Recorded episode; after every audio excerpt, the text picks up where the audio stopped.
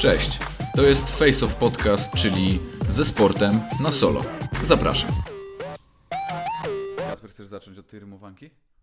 Nie, dziękuję. Nie, jest- dziękuję bardzo. Poprzedni odcinek był, jest oznaczony, że jest explicit, więc już ten, można tu, będzie, jakby będzie, tu wiadomo, że tu będzie explicit. nagrywać? Będzie, tak, nagrywa, to tak z przyczajki. Ej, ostatnio znalazłem ten, Dobra. zacząłem słuchać podcastu. Kuba, Kuba, Co Kuba, ty chcesz? Kuba. Nie Kuba, zacznijmy od podstawowej rzeczy. Morsowałeś? Morsowałem. Dobrze, Tak, to tak, dobrze. tak, to To jest- modne dzisiaj. Tak, morsowa, morsowałem. No to wiesz przecież, że chodzę regularnie tutaj nad Jeziorko Czerniakowskie.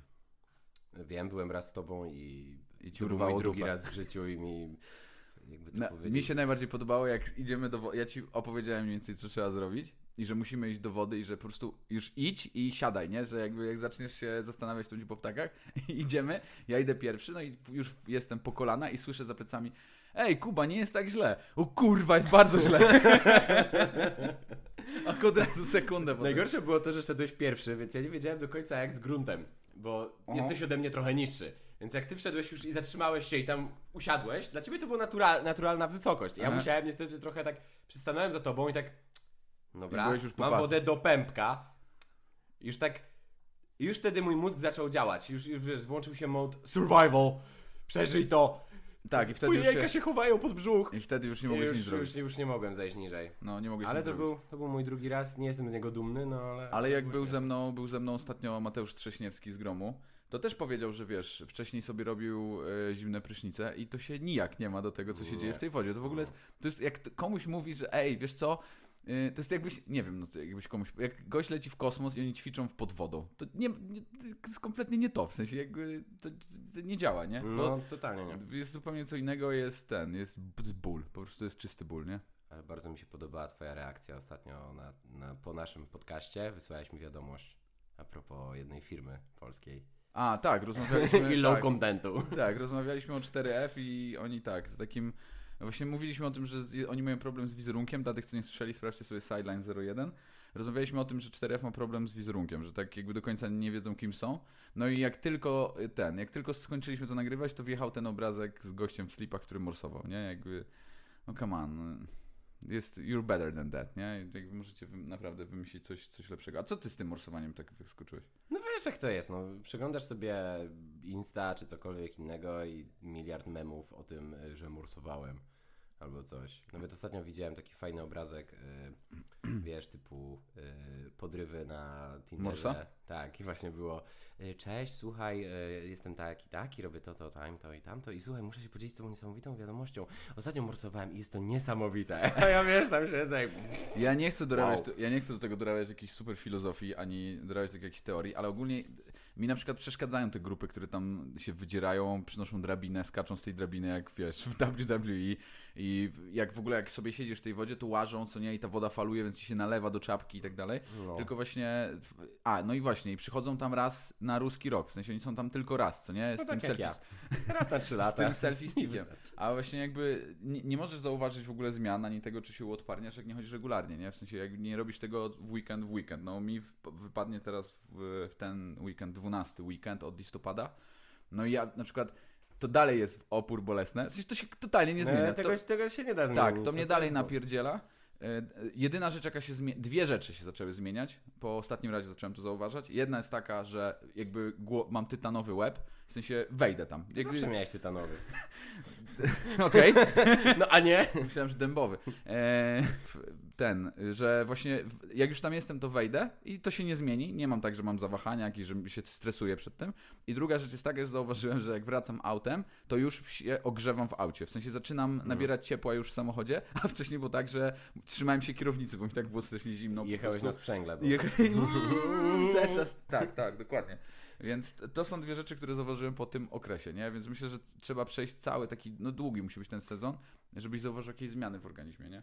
Znaczy tak, no w ogóle wydaje mi się, że kwestia tych memów e, i jakby popularności samego morsowania właśnie stała, zrobiła się przez to, że no mamy pandemię, więc siłownie zamknięte, to zamknięte, no i ludzie mieli takie, no dobra, to co mogę robić? No więc a, ja zauważyłem, tak oczywiście to jest obserwacja totalnie moja Mhm. gdzieś tam z dupy, e, jak sam gdzieś idę biegać albo chodzę No. po ulicy i widzę, że jest dużo biegaczy wbrew pozorom. Tak. Wydaje- mi się, że Cały o wiele więcej niż w spoko, zimę, tak. bo wcześniej Tak. ci ludzie gdzieś uciekali na siłownię i sobie biegali w komfortowych warunkach, czy tam robili inne treningi cardio. No więc wiadomo, bieganie, sam zresztą wróciłem trochę do biegania, więc mam takie, no dobra, podpadam pod tą modę, trudno, no ale to jest cenne jakby moim zdaniem, żeby cokolwiek Mhm. robić. A druga rzecz to jest właśnie morsowanie. A wiesz co, ja jeszcze I mam taką... się wziął hejt, bo wszyscy się zaczęli nagle chwalić, że Tak, to prawda. i- Wszyscy, wszyscy zaczęli to robić, jakby w jednym momencie, ale to też jest chyba kwestia tego, że nie siedzą w knajpach w niedzielę i w sobotę rano na śniadaniu, więc też nie mają co wrzucić na Instagram, więc zapełniają go e, morsowaniem, co nie? Content is king. Dokładnie, content is, is king, albo i key, albo king. Tak, że jakby wiesz, po prostu ludzie jakby mają wszystko poblokowane, czym się chwalili w mediach społecznościowych, więc y, wsadzają dupę do zimnej wody i to wrzucają na przykład, nie?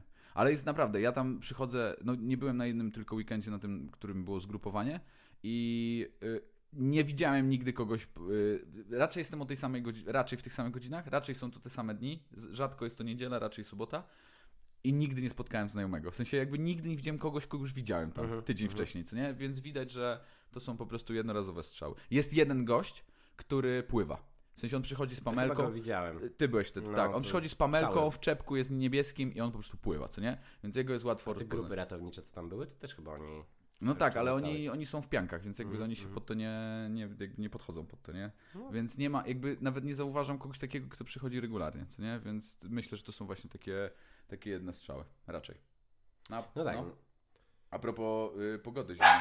Właśnie zastanawiało mnie, mm, czy morsowałeś tą najgorszą pizgawicę ostatnimi czasy. No właśnie ta najgorsza mnie ominęła, bo byłem na zgrupowaniu. Więc właśnie ta, ta, ten najgorszy mróz mnie ominął. Ale znajoma opowiadała y, mojej żonie, że była wtedy i to był jej drugi raz w życiu. I to był drugi raz z rzędu. I powiedziała, że było 100 razy lepiej niż jak jest plus, bo ta woda się wydaje wtedy cieplejsza. Chyba musisz psu zabrać zabawkę, bo... Myślisz, że było ją słychać? Nie wiem. No to niech będzie słychać najwyżej. No, okej. Więc b- mówiła, że była ten, że była ta woda się wydaje cieplejsza po prostu przez to. No tak, bo zmniejsza temperatura, nie? Więc Spoko. jest pewnie mniejszy, mniejsza różnica. Zresztą Mniejszy tak jak jest, wtedy, nie? co my byliśmy pierwszy razem na tym, tam w Piasecznie. Mhm. To było też w Piasecznie? tak, Tak. około minus jeden, zero, coś takiego. I rzeczywiście... Tak, no ono było Tam było zamarznięte super. to jezioro, tak, No. ono, było, ono było zamarznięte. Ej, w ogóle ostatnio widziałem w internecie strasznie yy, pojebaną akcję. W- nie chcę promować tego człowieka, ale muszę, o nim, muszę ci o nim powiedzieć, bo to jest niezwykłe. Potem ci pokażę. Dawaj, Potem ci to pokażę. Jest taki ziomek, yy, taki fit ty- typol yy, ze Stanów, który jest yy, też promowany tam przez różne marki, sponsorowany i tak dalej. I on się nazywa Conor Murphy. I teraz wymyślił, że wrócił na Instagram, bo tam miał jakąś przerwę, jakieś problemy psychiczne czy coś. I wrócił na Instagram i stary wymyślił własną jogę.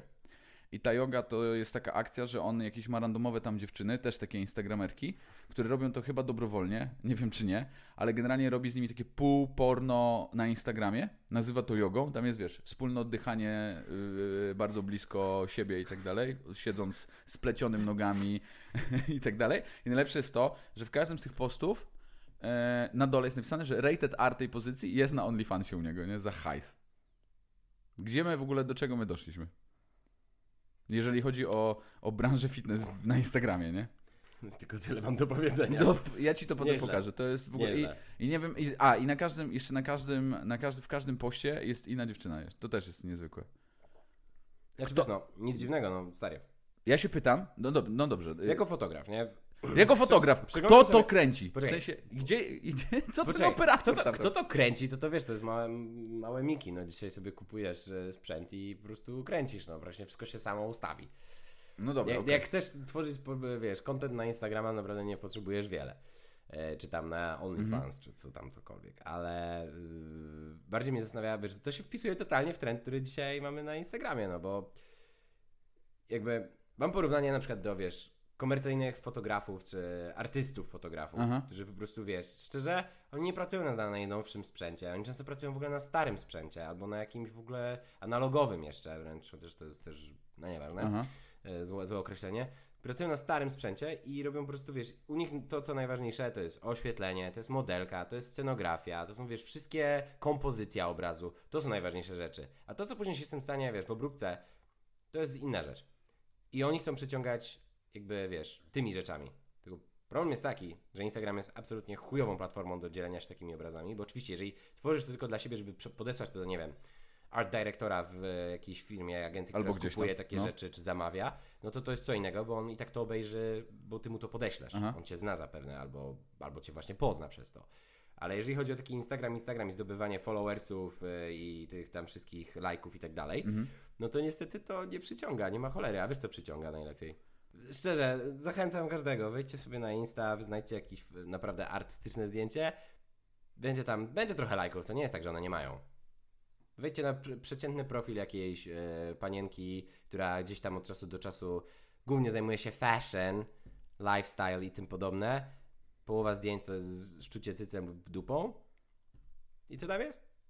Miliony lajków. No tak, wiadomo, ale, Więc jakby gościu, jak dla mnie, podchwycił moment. Ale wiesz, y, mnie też zastanawia, y, kto kupuje tego OnlyFansa, nie? Kto kupuje te OnlyFansy? Tak jak z tą... Ta, No no jak to, w- to, to tak samo jak ja pytam, kto lajkuje zdjęcia takich lasek. No. A czasami też to jest strasznie śmieszne, jak trafiam, nie pytaj mnie jak trafiam na takie profile, po prostu na nie trafiam. Zawodowo muszę... No, jesteś, Ja się- tak, wiesz, jak się tłumaczę zawodowo zawsze? tym Wiesz, jak się tu, właśnie tak się tłumaczę dyplomatycznie. Ja się zawodowo tym zajmuję, ja się zajmuję za, zawodowo analizą. Takiego- musisz y, analizować Głupot low internetu. content versus y, high content. Tak, głupot z internetu się zajmuję zawodowo analizą. E, I wiesz co, i jak trafiam na takie profile, to jest strasznie śmieszne, jak e, e, t- t- tych dziewczyn różnych, takich, które szczują cycem właśnie e, u tych wszystkich Gymsharków i innych takich dziwnych tych fitnessowych marek, e, jak są moi znajomi, którzy mają żony, e, to, to tam lajkują, nie? I widzisz z, na, z nazwy, nie? Że to są, to są ci kolesie. To jest, Ja- to jest to, arcyśmieszne. samo, to samo mam po kolegach, że tak powiem, wiesz, różnych znajomych. To jest, arcy, to jest arcyśmieszne. No, temat y, terminu, definicja i w ogóle modność terminu in- incel Mhm. trochę jednak się z tym łączy, mi się wydaje dzisiaj. Trochę tak, trochę tak. A propos y, głupich rzeczy w internecie. y, Rozwalają mnie też. Wiem, że ty nie jesteś mocno tam fajterski, ale rozwalają mnie też sytuacje, w których youtuberzy wywołują do walki prawdziwych fighterów. Y, To cię mogło ominąć pewnie, bo się tym nie interesujesz. Nagrywamy to przed walką Conora McGregora, która jest jutro. Ale na przykład on został wyzwany przez Jake'a Pola, który jest bratem Logana Pola. Kojarzysz tych dwóch gości? No, Logan Paul, niestety. Logan Paul to jest ten głupol, który Wiem, wiem, zasłynął który. ze szpagatów na mieście, a potem nakręcenia y, samobój, y, jakby ciała samobójcy w Japonii.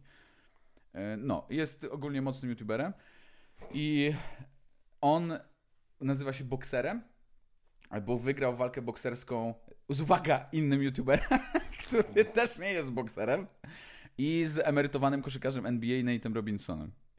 E, Czyli jego rekord to 2-0 e, z niebokserami, e, a jego brat Jake Paul, albo może to jest Jake'a Paula rekord, ja ich nie odróżniam. Nieważne, wyglądają identycznie. W każdym razie, jeden z nich wyzywał Conora McGregora do walki i Conor McGregor, stary, nawet się, na szczęście, nawet się nie odwrócił w stronę tego tweeta, nie? I Bardzo ja, dobrze bo, zrobił. Tak, bo ja mam takie wrażenie, że gdyby on zareagował na to, to by po prostu jego osoba się zniżyła po prostu do zera. Jakby jego, jego renoma by zjechała e, do zera, bo on by się, to wiesz, to on by się mógł wtedy na mojego, wiesz, na moje wyzwanie mógłby się, na Najmana wyzwanie mógłby się No. odwrócić, nie? Bo, bo to nie masz prawa, nie ma, jakby mam wrażenie, że jak jesteś takim gościem, który nie, nie ma w ogóle backgroundu fighterskiego, nie jest fighterem, no bo nie ma, on nie ma nawet rekordów amatorskiego, nie jest bokserem, on walczył No. z takim typem jak ja, z youtuberem, co No. nie? E, On walczył ze Tylko zwykłym ty nie gościem. jesteś youtuberem. Tak, on, no nawet, wiesz, on walczył ze zwykłym gościem, bez, doś, bez doświadczenia. Jakby walczył ze mną, to by miał pewnie trudniej, kurwa, niż z tym gościem z, z YouTube'a. W każdym razie, e, no to on nie ma prawa kogoś takiego wyzywać na pojedynek, to jest absurd. I, ale to też, uwaga, teraz o co chcecie zapytać. E, Co ty myślisz o tym, że moim zdaniem to się też biznesowo kompletnie nie składa? No bo on mu tam mówił, że oni zrobili takie i takie zasięgi, że dużo większe niż UFC i tak, nieprawda. Czy my o tym rozmawialiśmy? Czy ty o tym gdzieś pisałeś, bo już nie pamiętam? Czy my o tym po prostu rozmawialiśmy gdzieś po, poza, poza, poza anteną? Ale o czym? E, a propos e, rugby i tym podobnych. Że w. Stanach jest e, tak, że dobra, wykupili cały stadion. Może nawet o tym gadaliśmy, no. TV broadcast. Tak, No eyeballs. sorry, no to, że na YouTubie gościu sobie, dobra, no gościu wykręci, wykręci sobie pewnie ilość wyświetleń, bo nie brakuje ludzi, którym się nudzi i po prostu obejrzą to nawet for fun i zaczną sobie to rozsyłać po znajomych. Okej, Mhm. to mu się może jakoś tam zwróci. Może przyciągnie jakichś sponsorów, firmy, które w jakiś tam sposób będą chciały to zrobić, no ale no nie przełoży się to na hajs tak kosmiczny, jakim jest, nie wiem, no Walka Floyda UFC z McGregorem. czy, no na dokładnie, przykład. no sorry, no. Też mi się tak wydaje. Myślę, że ludzie.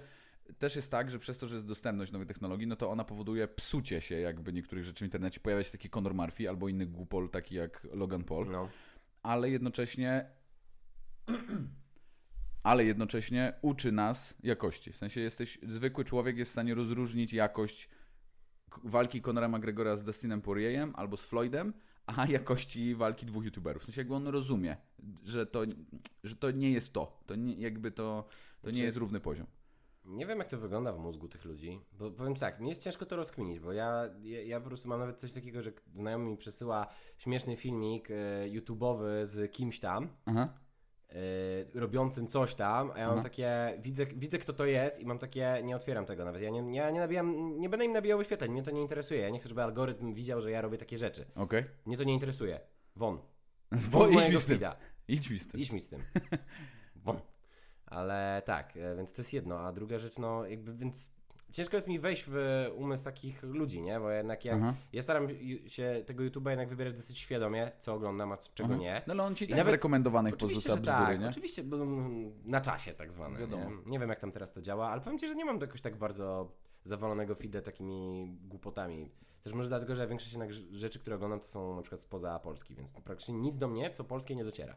Co ciekawe. Tak, w ogóle y, zabrnąłeś kiedyś na polskim YouTubie na kartę na czasie? Jak, co Nie, tam się... nie. Człowieku! Znaczy, wiesz, dobra, Wiesz, co tam się to dzieje? też nie jest tak, że, po, że jest mało dobrych polskich YouTuberów, y, ale szczerze moim zdaniem, jak to stary człowiek powiem, że kiedyś było lepiej. Wiesz co, tak, tam nawet nie chodzi o to, że poziom samego, jakby poziom youtuberów jest zły, tylko tam te rzeczy, które są na topie, y, tam jak się trafi PZ z Magentą, y, czy jakiś inny tele z dobrego naszego rapera, Mhm. to jest okej, nie? Ale pomiędzy tym jest masa jakiegoś po prostu ścierwa, no w sensie tam są po prostu straszne śmieci, straszne. No tak zwane Vox Populi, no. Straszne, po prostu jest tam. Ja tam zabrnąłem kilka razy, yy, też żeby sprawdzić właśnie, czy, czy na przykład yy, firma, z którą współpracujemy, albo influencer się tam pojawił.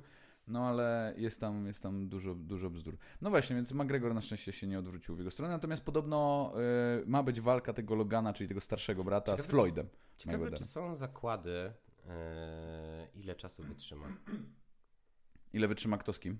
No, w tej walce YouTubera z zawodowym fighterem. No to jak jest ta walka Logana Pola właśnie z Floydem, no to biorąc, to- no to patrz, y, no możemy to rozbić, nie? No bo Floyd się zgodził i rozumiem, dlaczego Floyd się może na coś takiego zgodzić, bo generalnie on już nie ma co robić, on Mhm. nie jest aktywny, jakby, on już zrobił wszystko w boksie, jest A uznany, ja tu się kurwa nie zgodzę, jest, przepraszam cię. a, że co, że nie no bo, powinien się no bo zgadzać. dobra, y, weźmy sobie przykład, y, tak jak, o to o czym ostatnio gadaliśmy. Schwarzenegger, proszę bardzo. Mhm, Gościu, który skończył karierę, mhm, głównie chyba dlatego, że chciał już zostać aktorem, chciał iść dalej. mhm, Skończył karierę sportową, no ale co zrobił dalej? No dobra, miał karierę sportową, a później co zrobił? Oddał jakby to, swoje doświadczenia, Mhm. oddał w, y, nie wiem, zakładanie nowych szkół, y, podnoszenia ciężarów, był jasne. tam jakimś ciałem doradczym prezydenta, nie pamiętam chyba tego Busha.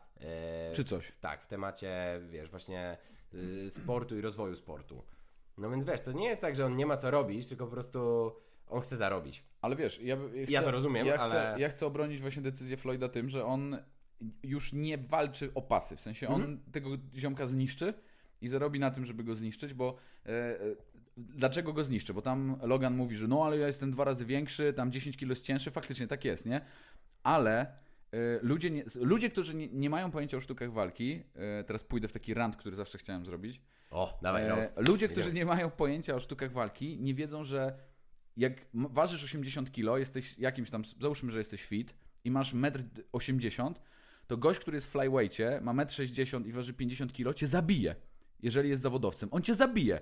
On jednym ciosem ci urwie głowę, albo jeżeli trafi, albo low kickiem urwie ci nogę. I nic twoja, twoja wielkość nie pomoże. Tak samo jest w pojedynku faceta, który nie ma pojęcia o sztukach walki, z kobietą, która jest zawodowcem. Ona go zabije. I ludzie tego totalnie nie kminią, że Conor McGregor, y, jak walczył z Floydem, to jest ogromnym wyczynem, że z gościem, który jest nazywany drugim Alim, wytrzymał 7 rund. To jest, to jest niewybywałe. Jeżeli nie jesteś bokserem, bo on nie jest bokserem. I wytrzymał z nim 7 rund, mało tego, Floyd się i tak z nim bawił. W sensie mógł go No. skończyć wcześniej, tylko chodziło o to, żeby pay-per-view McGregor podkręcić, jednak nie? mimo wszystko nie, no, nie jest bokserem, więc tyle, tyle Tak. czasu nie trenuje. W sensie on, on ludzie nie sobie nie zdają sprawy, no. że gość, który jest większy, taki Logan Paul, on jak wejdzie do ringu z Floydem, to Floyd go może zabić. W sensie to Słuchaj, no, nigdy nie przyjął na pewno ciosu, który wyprowadza Floyd, y, mimo tego, że jest mniejszy, z pełną siłą. Nie? To jest, jest Ja- ja niesamowite, najlepszy że ludzie tego nie, nie, nie kminią. Nie? Ja najlepszy tego przykład mam z e, judo. Kiedyś tam trenowałem sobie i właśnie mieliśmy, były zawody. No i w finale zawodów trafiłem na e, kolegę z, też z mojej tam szkoły. Mhm. No i my tak często sparowaliśmy, no i zawsze było w miarę równo. Generalnie pod względem skilla byliśmy dosyć równi. Mhm. E, natomiast różniliśmy się bardzo wzrostem, bo ja byłem o niego o ponad głowę wyższy. Czy cięższy? Chyba też byłem cięższy. Nie wiem, nie pamiętam dokładnie ile, bo on był niski i krępy. Okej, Ni chuja. Nie ma Wygrał. opcji. Wygrał ze mną. I to nie dlatego, że po prostu, nie wiem, znał lepsze chwyty czy coś, tylko po prostu wiedział, jak wykorzystać, wiesz, swoje atuty.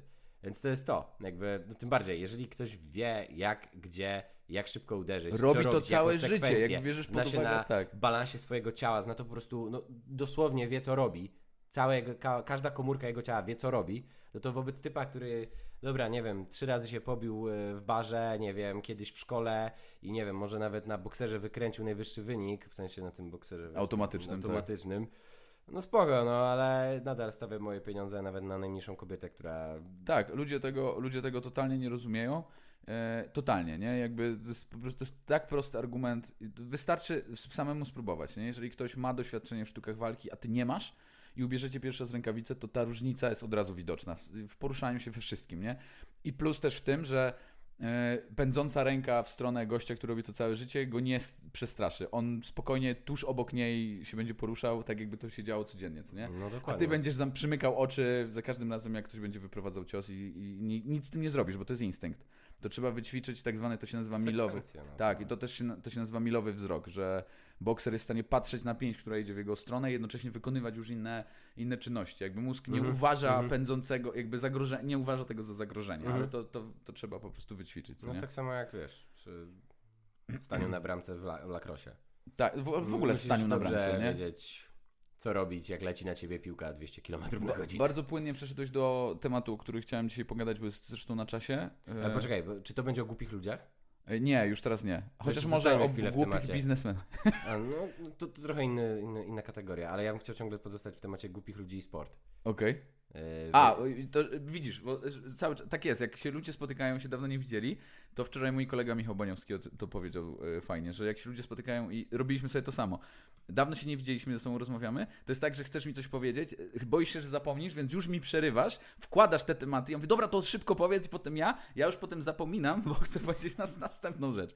Mówiłeś o Schwarzeneggerze, jest taki koleś w, w fit świecie, nazywa się koreański Hulk, Korean Hulk, i ma zdjęcie na Insta, stary, też ci je potem pokażę, jak zbija piątkę na Mr. Olympia ze Schwarzeneggerem. Ala Predator. Y, Nie, nie, to jest o głupich ludziach.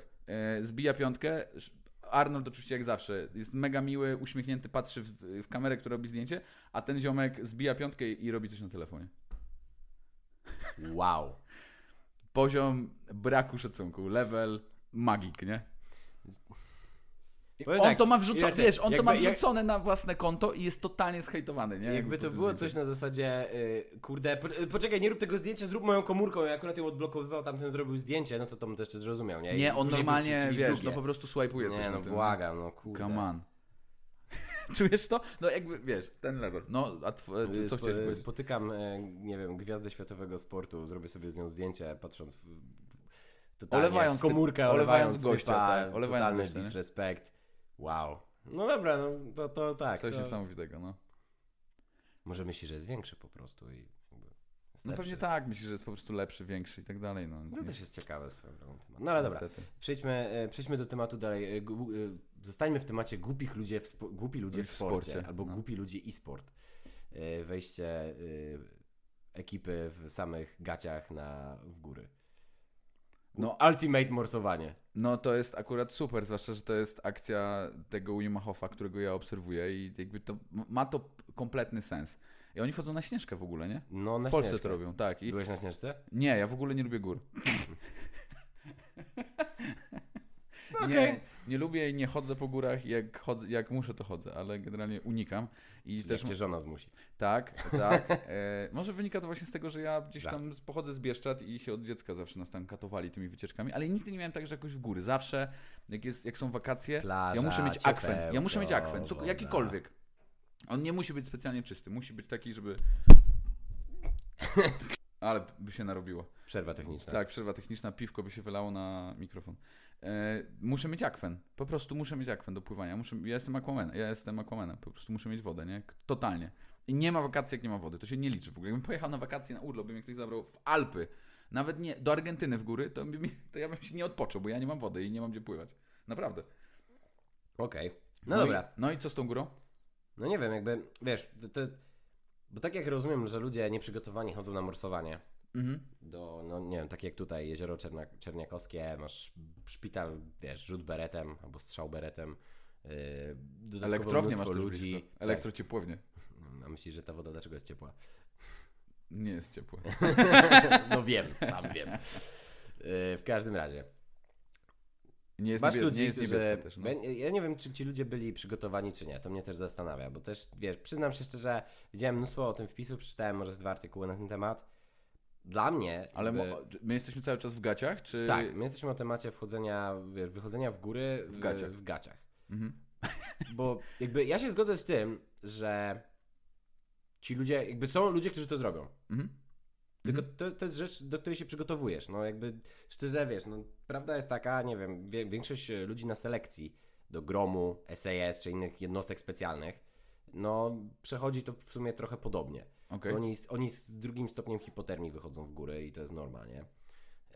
Yy, Na, se, na samej selekcji, selekcji. Już nie będziemy mówili o misjach. Yy, Więc ja rozumiem, że to nie jest niemożliwe i to nie wiem, jest jakieś zjebane, tylko tu problem jest to, że to są, wiesz, ludzie w cywilu, którzy nawet nie dają znać e, ratownikom, że robią takie rzeczy, Mhm. no i później zaczyna się problem, Mhm. kiedy ktoś nie daje rady.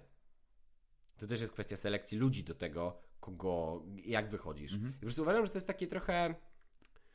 Bo jeśli, bo wiesz, jeśli mówisz... Ja, wiesz, znasz mnie, ja, ja uprawiam sporty ekstremalne różnego rodzaju, no typu jazda na rowerze, freeride, downhill. Uwielbiam, uwielbiałem to jako dzieciak i nieraz się połamałem, jakby z tym się musisz liczyć. A tu jest trochę takie... Wychodzę w górę... Happy go lucky. Nie, nie, tak, happy go lucky. No nie, nie, nie, jakby nie podejmę podstawowych środków bezpieczeństwa. Śnieżka to nie jest mała góra, to wiesz, jakby tam naprawdę jest zimno, by, by, bywałem tam parę razy. I powiem ci szczerze, no jakby dla mnie takie, wiesz, bo to, że Mhm. wyjdziesz w góry latem bez powi- powiadomienia ratowników, no to Luz. No, normalnie. Yy, ale ważne, żeby ktoś wiedział o tym, że ty wychodzisz, a w zimę, no to już jednak się wi- powiadamia o takich wyjściach. Wiesz co, to akurat jeśli chodzi o tę grupę Wima Hofa, to jest dokument y, zrobiony przez Weissa i tam on ich niby przygotowuje. W sensie jakby, wiesz, ćwiczą oddech, i też wcześniej są już jakby Mhm. w gaciach chodzą po śniegu, wchodzą do wody i tak dalej.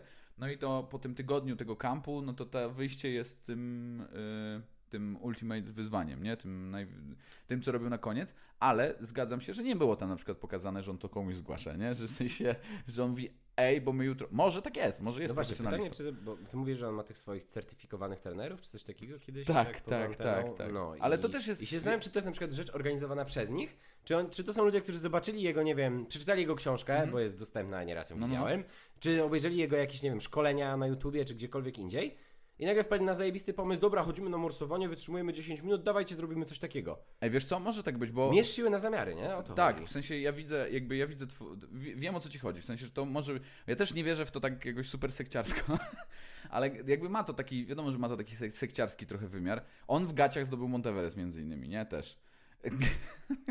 co za temat.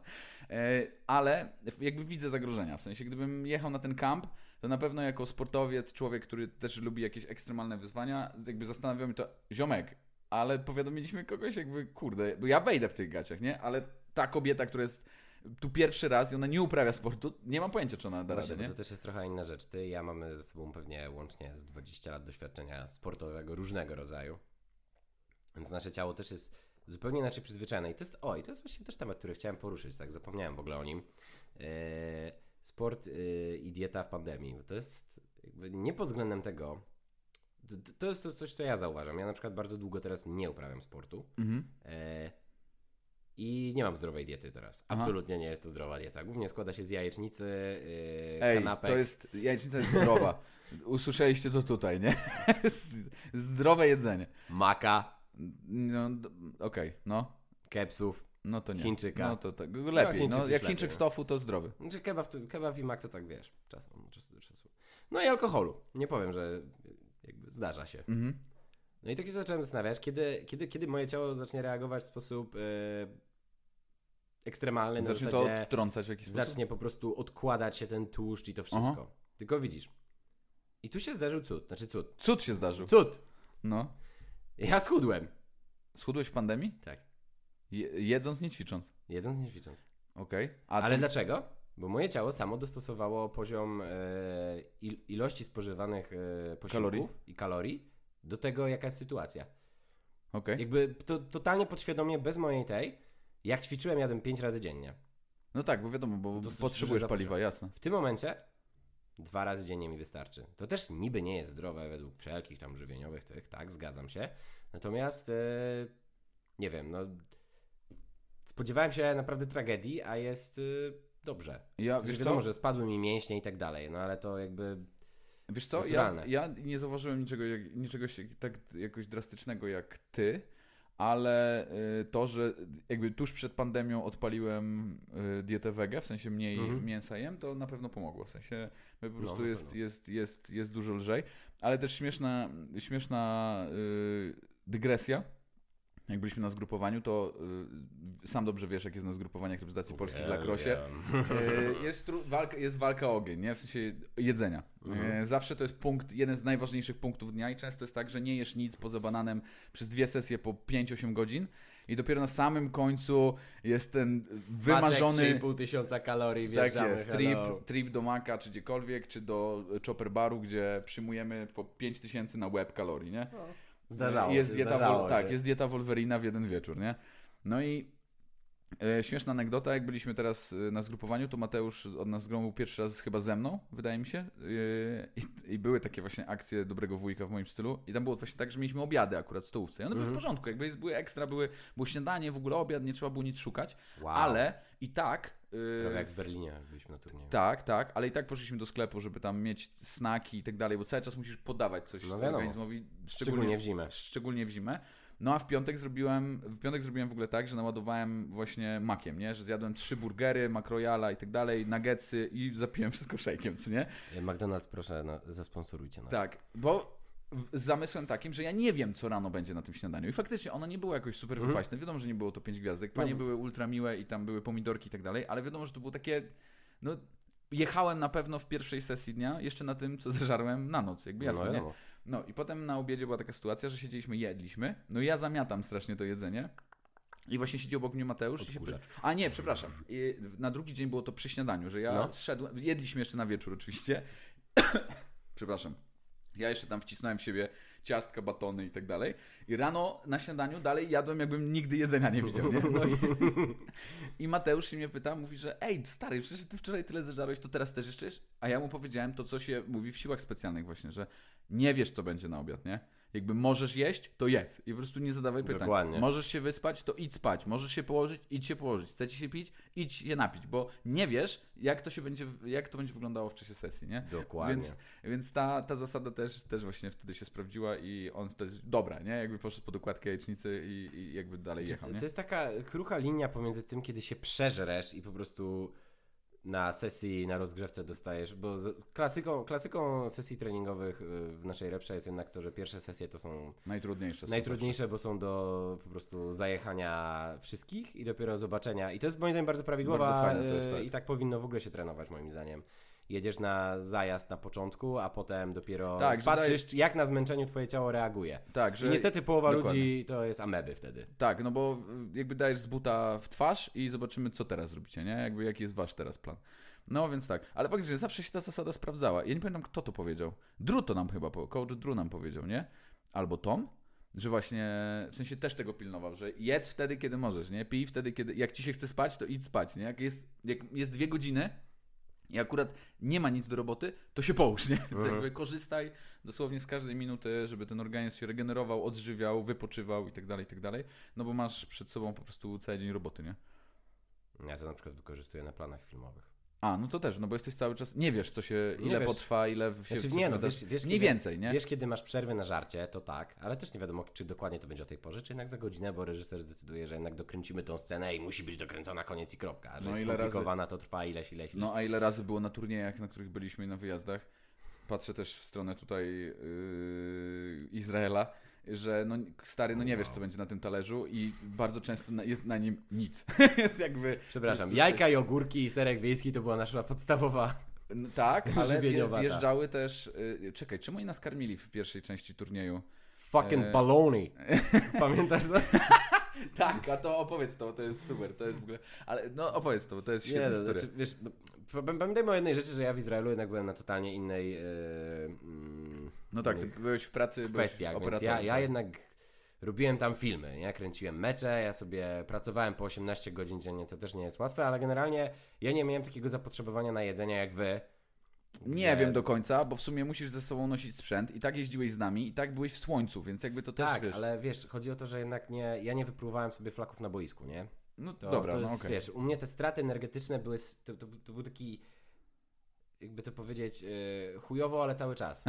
No, to- Trochę tak. Więc ja jedyne, co mogłem narzekać, to to, że mi to nie smakuje.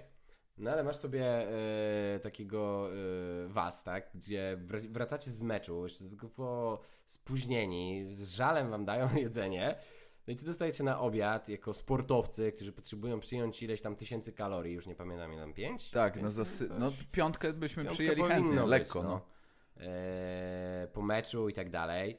No i dosta- to, co dostajecie na talerzu, to były co, dwie parówki, chyba coś w rodzaju parówek, bo to nawet chyba nie Tak, były parówki. tak, tak. E, I trzy plasterki. e, Sera. Czekaj, bo baloni to jest mortadela? Mortadela, tak. No, no, no, no, no, no. Tak, tak. No Właśnie do dzisiaj pamiętam, e, Boże, jak on miał na imię? Coach. Yy, który? No, Kyle. który? Kyle. Nie Kyle, Coach. z Ameryki, z e, tych Yy, Red Hawks. Kogo trenował? O kogo, ko, o kogo ci On chodzi? przyjechał specjalnie do Izraela. Niski gościu. Yy, Jak on miał na imię? Boże, nie mogę sobie Też nie przypomnieć. pamiętam. Też nie pamiętam, który.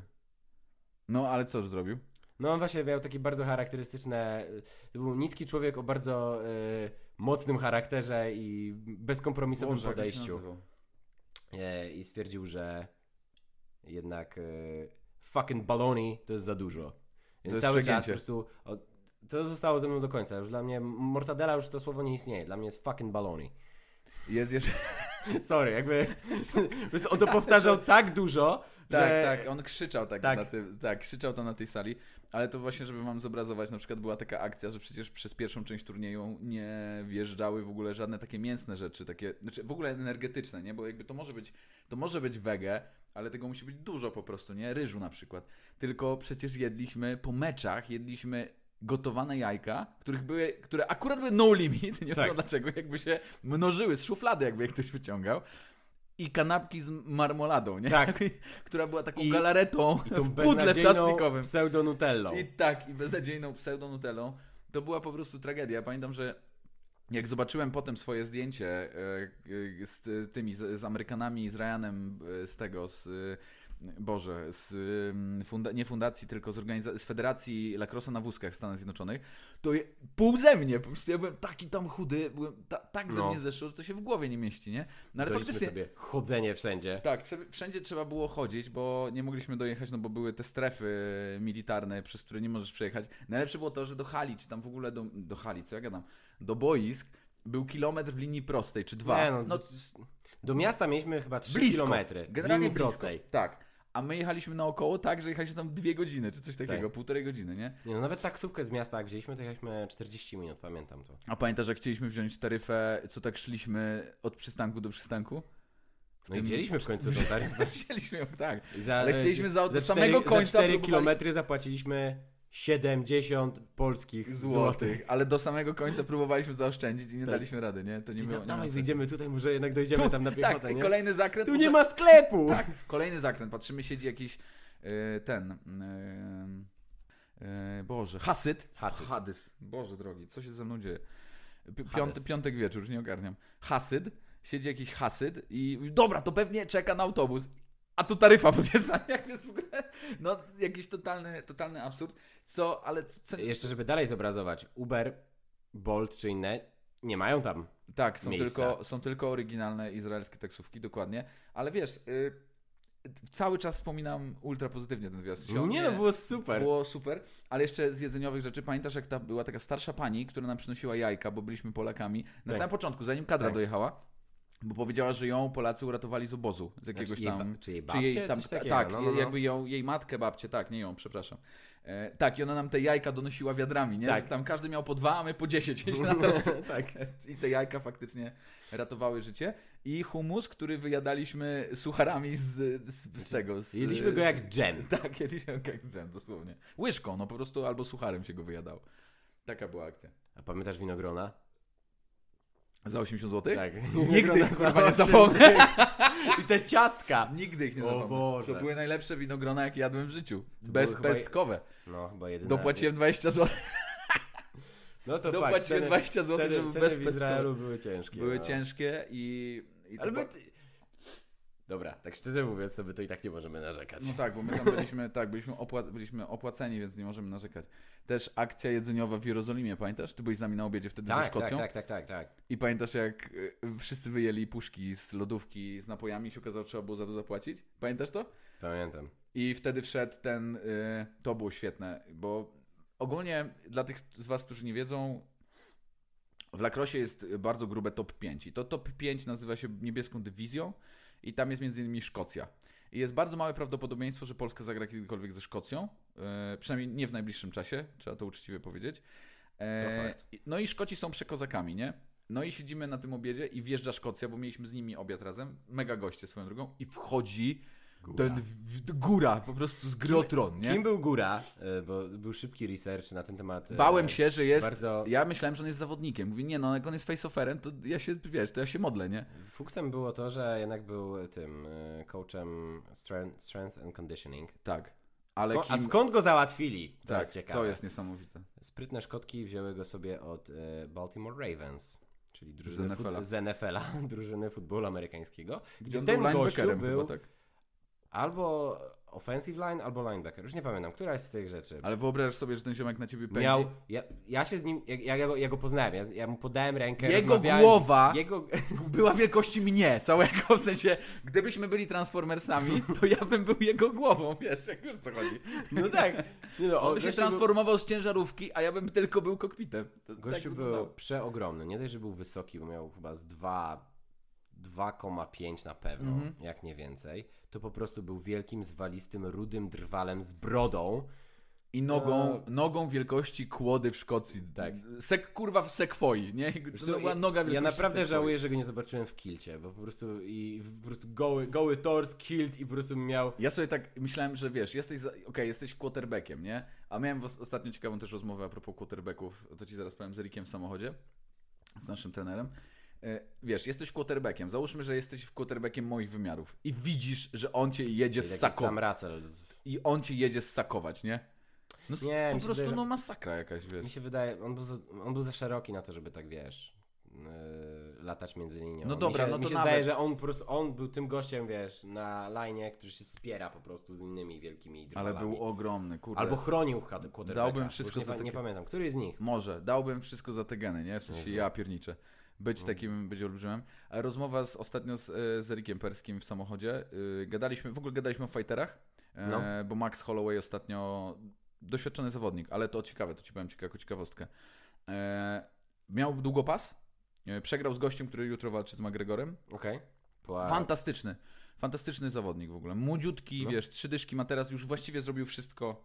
Wiesz, Hawajczyk, Duma Hawaj, zresztą Duma Hawajów. Max Blessed Holloway, mega gość. I yy, wyprowadził w swojej walce, zdemolował typa, który nie był kelnerem i wyprowadził, mało tego, pokonał gościa, Kelnerem? który nie był, który nie był kelnerem. W sensie, że był, wiesz, zawodowcem. W sensie, gość, A, z którym, okej, Calvin, okej. z którym walczył, Okej, okej. Calvin, z którym, Calvin, z którym on walczył, y, był gościem, na którego stawiano, że on zmiecie Maxa, nie? A Max Holloway wyprowadził, co jest rekordem w historii w ogóle, wyprowadził 700 ponad ciosów, stary w 20 minut. Trzy rundy. 4 razy 4. A, cztery rundy. No. Ta, no, w- to była walka wieczoru, to 5 razy 4, co nie? Ale on się zmieścił w 20 minutach. Ponad 700 ciosów, z czego ponad 500 significant, czyli które doszły, nie? Czujesz to?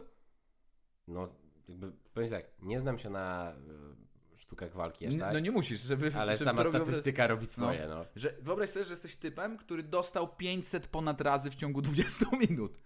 Nie? To nawet jak to 500. były takie slapy na twarz, to... To i tak- To, to w pewnym momencie No. cię odcina, nie? A y, y, jeszcze ten, Knockout. jeszcze chwaląc y, Calvina, Calvin to wszystko ustał, nie? Ani raz nie padł. Nie było ani jednego knockdownu. Choć było ultra blisko, nie? I Holloway poprawiał to kolanami, nie? I gość nie, nie padł, nie? Wys, ustał to po prostu wszystko. O czym, e, coś ci chciałem opowiedzieć. Erik mi zadał pytanie na zasadzie, wolisz być zaatakowany przez 100 koni wielkości kaczki, czy jedną kaczkę wielkości konia, nie? A pytanie brzmi, zatkałem cię tym już? Y, y, zadał ci... Zadał ci pytanie typu, tak? Tego typu, tak. No, E, A właśnie, wolałbyś zostać zaatakowany przez 100 koni wielkości, e, 100 koni wielkości kaczki, czy jedną kaczkę wielkości konia, wielkością konia? 100 koni wielkości kaczki. Wiesz co, ja, ja z kaczkami mam e, bliski, bliski związek i uważam, że lepiej mieć, być zaatakowany przez... Przez jedną kaczkę wielkości konia? Tak. Łatwiej byłoby spierdolić. Albo rzucić jej bochen. Ciebie bym rzucił na zajął. To jest mega śmieszne. E, zadał mi pytanie. Wolałbyś być e, uderzony w twarz, tak pięścią od prawdziwego zawodnika, No. e, w sensie MMA? Ja go, zacząłem mu zadawać, wiesz, jakby podło- zacząłem budować background. Dobra, ale jestem swoich rozmiarów, jaka to jest kategoria? Nie, po prostu. You, you, you Jesteś want- sobą i czy chcesz You rather być... be punched or sucked? I ja powiedziałem, wiedząc, jak mając na swoim koncie sportowe sparingi w sztukach walki, powiedziałem, że no kurde, 100 razy wolałbym dostać w mordę, nie? Ale, czy, rozumiem, że czy wolałbyś być sakowany przez profesjonalnego Futbolistę, futbolistę, tak. No czy... jesteś, jesteś Tomem Bradym, nie? I goście sakuje. To No dobra, być, dobra, Tak, rozumiem, jesteś, rozumiem. jesteś, jesteś zawodowcem, nie? Znaczy, nie wiem, no, biorąc pod uwagę typów, nie wiem, są takie, jest takie dobre, dobre porównanie, e, Sport Science to się chyba nazywało, Tak. co był gościu, który się przebija przez e, Drzwi. Linię i przebijał się przez drzwi i porównywali to z siłą e, gościa, tego, Rama, jak to się nazywa? E, Tarana, Tarana, tak. Policyjnego. policyjnego i profesjonalisty, który wyważa te drzwi. No i się okazało, że gościu nie dość, że jakby wyważył całe drzwi razem z ramą, to No tak, bo on mnie to, to, zrobi- to z metra rozbiegu, to jeszcze e, po prostu wygenerował dwa razy chyba większą siłę. Więc tak szczerze, sam nie wiem. Nie byłem uderzony nigdy przez profesjonalnego, e, wiesz, zawodowca w twarz, więc Ale wiesz, jest, pewnie by mnie odcięło, ale chyba Nie, no jakby bierzemy pod uwagę, że już jesteś też fighterem, więc wiesz jak przyjąć cios, nie? Bo na przykład, nie wiem czy wiesz, ale jest tak czasami, że jak na przykład zniża się głowę, nie? Żebyś jak najwięcej ciosów Mm. wyprowadzał w czoło, e, wiesz, bo to No, też, no, też oddziałuje jakby ten, więc jakby wiesz jak przyjąć cios i dostajesz w twarz, czy zostajesz sakowany. Ja powiedziałem, że w twarz, no bo jakby przy tym saku się może tak dużo złych rzeczy wydarzyć. Na no, to zasadzie, jest fakt. wiesz, on ci może podnieść i rypnąć jakby w dziwnym punkcie, albo może cię tak pociąć po kolanach, że pozrywa ci ACL, albo masz ten whiplash, nie? Czyli ci po prostu łeb odskoczy No. i masz trzy wstrzęsienia mózgu w sekundę, nie? To Więc fakt. jest. A, mało tego, jeszcze ci tam kręgi się poprzestawia. No dramat. No. Generalnie, jak idzie na ciebie JJ Nawet Watt. w polskim YouTubie, e, Boże, w polskim futbolu amerykańskim nieraz goście z quarterbacków mieli mocne kontuzje. Nawet nie od profesjonalistów, tylko po prostu od gości, Tak. którzy chcą grać w futbol. Tak, rozmawialiśmy, bo skąd to się wzięło? Rozmawialiśmy o tym, że Tom Brady po prostu strasznie długo to już robi, nie? Że to jest niesamowite, że on to robi tak długo. Że on to wszystko jest w stanie wytrzymać. Są teraz w Buccaneers chyba gra. Tak, tak. I miał tam jakąś, y, ileś tam już tych podań, nie? Wyrzucił tam, więc no niesamowite to jest. Nie, gość gość jest niesamowity. Tyle lat się utrzymuje. Znaczy wiesz, no quarterback też jakby nie patrzeć. To jest bardziej psychologiczna pozycja niż y, fizyczna. No bo wiesz, Mhm. no jak masz gości linemenów czy wide receiverów, którzy po prostu biegają, No to oni są cały ich, czas część, ich partie się zużywają, porównując to do samochodu, ich, to są po prostu wyścigówki, których partie się szybko zużywają. Przepalają się. że to jest, brudny, że to jest brutalny sport, mimo Jasne, wszystko, jakby nie wiadomo. patrzeć, nie? To jest na pełnych obrotach, Tak. wbija się ciało o ciało. Tak jest. A jednak quarterback, no... To też oczywiście jest kwestia dużego szczęścia, żeby przez tyle lat kariery nie zebrać takiego saka, żeby właśnie ci nie, nie wiem, sak, Nie czyli, urwało głowy. Czyli po prostu rzuca się na ciebie, dosłownie rzuca się na ciebie 200-kilowy typ, które jest rozpędzone. I biegnie, i bie- biega setkę w 10 sekund. Tak, i rzuca się na ciebie po prostu, żeby cię obalić. Jeszcze jak masz piłkę. No więc... I y, często robi to w momencie, w którym ty nie ogarniasz. Ty go nie widzisz, blindside. Ty, tak, wypuszczasz piłkę i jeszcze jesteś otwarty, więc masz żebra odsłonione i w tym momencie dostajesz bombę. Nie? W tym momencie podchodzi... najgorsza opcja. W sensie, Dobra, 150-kilowy typ, który cię po prostu podnosi i razem z tobą pada na tak, ziemię. tak. Albo na, w najgorszym wypadku po prostu w ciebie się wstrzeliwuje, tak, Tak. że cię łamie w pół, nie? To w lakrosie też, y, nie wiem ile dzwonów zaliczyłeś, bo styl gry miałeś zawsze taki jak ja, czyli starałeś się rozdawać więcej niż zbierałeś. Ale... Trzy takie porządne. Ale właśnie taki dzwon, kiedy ja dostałem kilka takich i pamiętam, że taki najgorszy jest taki dzwon. Jak na przykład właśnie podnosisz groundbola i nie widzisz tego gościa, jest totalnie w twoim blind side, ale wiesz, że on tam jest. Jakby wiesz, że on tam jest, widzisz go kątem oka, ale i wiesz, że zderzenie jest e, Nieuniknione. nieuniknione. Zderzacz hadronów. doko- dokładnie. I, i jest, jest, ten, jest ta bomba i jest tak, że nie wiesz, co się stało przez dwie sekundy. Tak jak, dobra, przez sekundę nie wiesz, co się dzieje, otwierasz oczy, nie ma kolorów, wszystko jest czarno-białe, Mhm. masz ten micro Znam concussion. to. Tak, wszystko jest czarno-białe i okazuje się, że on leży. jest ekstra, że jak... No okej, dobra. To Dobra, jakby on leży, ja leżę, jest dobrze. Było, jest, jest, było tak, równo tak. zbierane. Albo ty stoisz, on leży, albo ty leżysz, nie wiesz, co się dzieje. on No, ja to tak. najgorzej to pamiętam chyba na pierwszej Silesii zebrałeś takiego dzwona od jakiegoś Od, Angola. z- zebrałem od Angola i to było tak, że ja strzeliłem, już wyprułem z siebie piłkę i w tym momencie jak już strzeliłem, miałem kij na dole, byłem otwarty totalnie, jeszcze głową do przodu, on we mnie wjechał i to byli, to były chłopaki z Dreadlaxów. I ja, ja generalnie jak on we mnie uderzył, to mnie odwróciło tak, że ja stanąłem na głowie, nie? Tragedia. Coś No, po prostu to. strasznego, ale wbiłem tego gola, to wbiłem tego gola i pamiętam, że też budzę się, wszystko jest czarno-białe, nie? Jakby memories stamtąd mam wszystkie czarno, w czerni i bieli, tak. No Ja pamiętam, że oni mnie bardzo nie lubili wtedy. No bo ty wszystko wybierałeś. No, stary, no, dokładnie, dokładnie, dokładnie tak było jak zawsze, no. Ale wiesz, mi się na przykład podobał bardzo twój styl gry i staram się, jak są jacyś bramkarze, zawsze im opowiadam, nie? Że jak pamiętacie jak grał albo coś takiego jak u nas jest Maciek, że ty bardzo dobrze grałeś ciałem. W sensie jest bardzo mało bramkarzy, w PLL-u też, yy, mówię o tym amerykańskim, którzy grają Adam Gittleman. Na przykład. Albo Scotty Rogers. Albo Scotty Rogers, tak. że- No ale którzy- Scotty jest, ma, wiesz, jest bykiem, jest duży, patrzeć. że grają właśnie ciałem i też jakby wiesz, grają kontaktowo, bo często jest tak, że podbiegasz już tak strasznie blisko i w sumie trudniej by mi było, gdyby on mnie dopadł, nie? Zanim ja schodzę tam down the alley na przykład, nie? Więc y, może to jest jakiś sposób na to, żeby uczyć nową, tą nową generację po prostu. Znaczy ja pamiętam, że to co robiliśmy, e, znaczy ja zaczynałem w ogóle od midfieldera, tak? Zresztą jak przyszedłem, to wtedy ty też byłeś świeży. E, I... No ja byłem świeży jak, jak pietruszka. No, wszyscy Tak byliśmy. się nie mówi. Więc gdzieś decyzja o pójściu na bramkę trochę była takim, bo było potrzeba kogoś, a druga rzecz, że to był chyba mój naturalny charakter, że jak jest coś niemożliwe do zrobienia, to ja to lubię robić. No i jakby To było wyzwanie. nie? walić to, że wiesz, na początku wiadomo, 90% razy dostajesz po dupie i ci się nie udaje, nie udaje, nie udaje, Mhm. ale w końcu w pewnym momencie wychodzisz do takiego momentu, że robisz dobrze 70% i to jest wow, to jest rekord, to jest super. Tak, jest grubo. No, No. jak zaczynasz zatrzymywać po prostu tę piłkę w Tak. końcu, nie? No i właśnie pamiętam, że pojechałem jako totalny challenge, totalnie nieznany w towarzystwie, pojechałem na zgrupowanie reprezentacji Polski. I na rzeczonym zgrupowaniu Polski, bo to było to jedno z tych otwartych zgrupowań jeszcze przed Denver 2014, Proper pint, no. Proper Point, cheers mate, e, na tym otwartym zgrupowaniu Polski jeszcze przed Denver, co tak naprawdę już było wiadome, gdzie tam ktoś mniej więcej trafi, a kto nie. Natomiast e, Ty byłeś jeszcze na tym przed Denver? tak, to był 2013 rok chyba z tego co pamiętam. Ja pierniczę. No, ja, ja jakby wiesz, ile ja wtedy grałem? Chyba 3 miesiące na bramce. Ja w ogóle zapomniałem, że ty byłeś na zgrupowaniu przede mną. No Nie- byłem, byłem, A byłem. przyszedłeś do gromu po mnie. Tak. No, nieźle. E, Ty chyba wtedy nie mogłeś, bo coś tam. Coś Ja miałeś chyba- jakieś e, chyba robotę czy coś. Mo, coś... Może, może. Czy ślub organizowałeś? Nie, to jeszcze za wcześnie. Ślub było. swój własny? To później było. Było później. Ślub Tak. był rok później. Dobra, no nieważne. W każdym razie pojechałem na to zgrupowanie i właśnie pamiętam, że trochę zwróciłem, znaczy dużą uwagę trenerów zwróciłem właśnie tym, że byłem bardzo aktywny na bramce e, i jedno z takich e, rzeczy, z którą jakby ja do dzisiaj pamiętam, że później miałem parę rozmów na ten temat, to było jak robiliśmy fast breaki, czyli grę 4 na 3 tak naprawdę. E, w, I ja jako bramkarz grałem, ja zawsze uważałem, że jako bramkarz jestem tam, jak jest 7 na 6, to ja jestem tym siódmym graczem, który gra Mhm. mimo wszystko, mimo że jakby mam, moim zadaniem jest chronienie bramki. Tak, że nie jesteś tym- odizolowany. Fast uważam, break, że... fast break polega na tym, jakbyście się zastanawiali, że ćwiczy się fast, fast break jest w lakrosie wtedy, jak bramkarz łapie piłkę i reszta zawodników zaczyna spieprzać już w drugą stronę y, boiska, żeby tworzyć atak i, ten bra- i bramkarz ma 10 sekund na to, żeby tę piłkę z siebie wypluć i zazwyczaj y, robi to tak, że wychodzi z kręgu, który go ogranicza y, czasowo i wtedy szuka podania. I najlepiej, żeby to robił jak najszybciej. Co, źle powiedziałem. Co powiedziałem źle? To jest clear.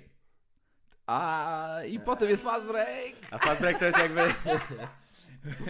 Dokładnie. No i potem, potem jak już podasz tę piłkę i zrobisz clear, to Nie, oni no, robią, fast break, oni fast, robią fast fast break. break. to jest tak. wymuszenie tak naprawdę dynamiczne yy, przewagi w, na jakby Kuba, strony ty w, atakującej. Kuba, ty w ogóle grasz w tego. Co ty, kurwa, ty co grałeś? ty robisz w ogóle? Co za- Nie, no wiesz, to masz na to inne spojrzenie niż ja. No ale w każdym razie. Dla mnie fast break wygląda tak. Mam na swoim, do swojej dyspozycji trzech gości, a atakuje mnie czterech gości. W sensie mam Tak, bo- trzech obrońców do obrony plus ja i czterech gości atakuje, No bo my jako pomocnicy przewagę. już dostaliśmy piłkę i zasuwamy w czterech w przewadze Tak. i generalnie tak, prujemy na, prujemy na atak. Tak, prujemy na atak. No i pamiętam, że jest klasyczne zagranie to jest po prostu podawanie piłki. Tak naprawdę polega to na tym, że bramkarz wypuszcza jednego obrońcę, on idzie do piłki, do osoby, która ma piłkę, on podaje do następnej otwartej, następny obrońca wychodzi i kolejne podanie i to już powinien być strzał zazwyczaj, bo trzeci obrońca może nie nadążyć, jeżeli zdążył, to jeszcze jest jedno podanie i już jest wtedy w ogóle na czysto. I gość ma tak zwany czas i pokój, Tak. czyli time and room, żeby sobie strzelić. No i kiedyś taki jeden myślał, że ma time and room, A to a akurat dostał tak piłkę, że jeszcze patrzył, czy ją ma w kiju. Hospital Takie Pass stare, najlepszy. stare czasy. Hospital Pass. I następną rzeczą, którą zobaczył, to byłem ja. Biegnący Uwielbiam, sprintem, po prostu z wyciągniętymi pięściami, po prostu Uwielbiam, uwielbiam te sytuacje, y, jak grasz na przykład, jak grasz na, y, w tym, grasz, y, co ja się tak jąkam? Jak grasz w momencie, w którym właśnie idą szybko podania i jest już y, man to man i widzisz, że zawodnik, którego bronisz, albo będziesz za chwilę bronił, patrzy do podania i już właściwie podaje do twojego kolesia, nie? I jak ta piłka leci i ty ruszasz równo z tą piłką do tego gościa i dopadasz go w momencie, w którym piłka dotyka główki. To jest, y, u nas się to wewnętrznie nazywa tak, hospital pass, bo też ten, ten podający zawodnik, on generalnie widzi, że ja się przyczajam, nie? I w sumie podając tę piłkę trochę nadziewa tego swojego kolegę na mnie, tak zwana, można powiedzieć, na nasze niedźwiedzia przysługa. tak, a ja docieram do niego w momencie, w którym on nie może nic zrobić, bo jest przyklejony lotem tej piłki yy, i jej kątem, no bo ona do niego leci, musi do niego dolecieć. Jak się przesunie, to jej po prostu nie złapie, nie? I stoi w miejscu. I teraz tak, to jest, to jest coś strasznego. Też byłem w takiej sytuacji, że czekasz na tę piłkę, widzisz, że ona do ciebie leci, ale widzisz też, że ja pod nią biegnę. To, jest, to jest totalnie posrane, bo widzisz, że ona do ciebie leci, a pod nią biegnie typ, nie? Znaczy, I po prostu ją łapiesz. Naturalna rzecz to jest po prostu biegniesz do piłki. No tak, możesz ewentualnie. Próbujesz ją do- łapać. Tak, możesz ewentualnie ruszyć do tej piłki, ewentualnie zmniejszyć ten dystans, żebym ja się nie zdążył rozpędzić, no ale w momencie, w którym ja cię dopadam, jak ty łapiesz tę piłkę, to to jest śmierć na miejscu, nie? To jest jedna z najgorszych sytuacji chyba, tak, jak jesteś, jesteś atakmenem, nie? No.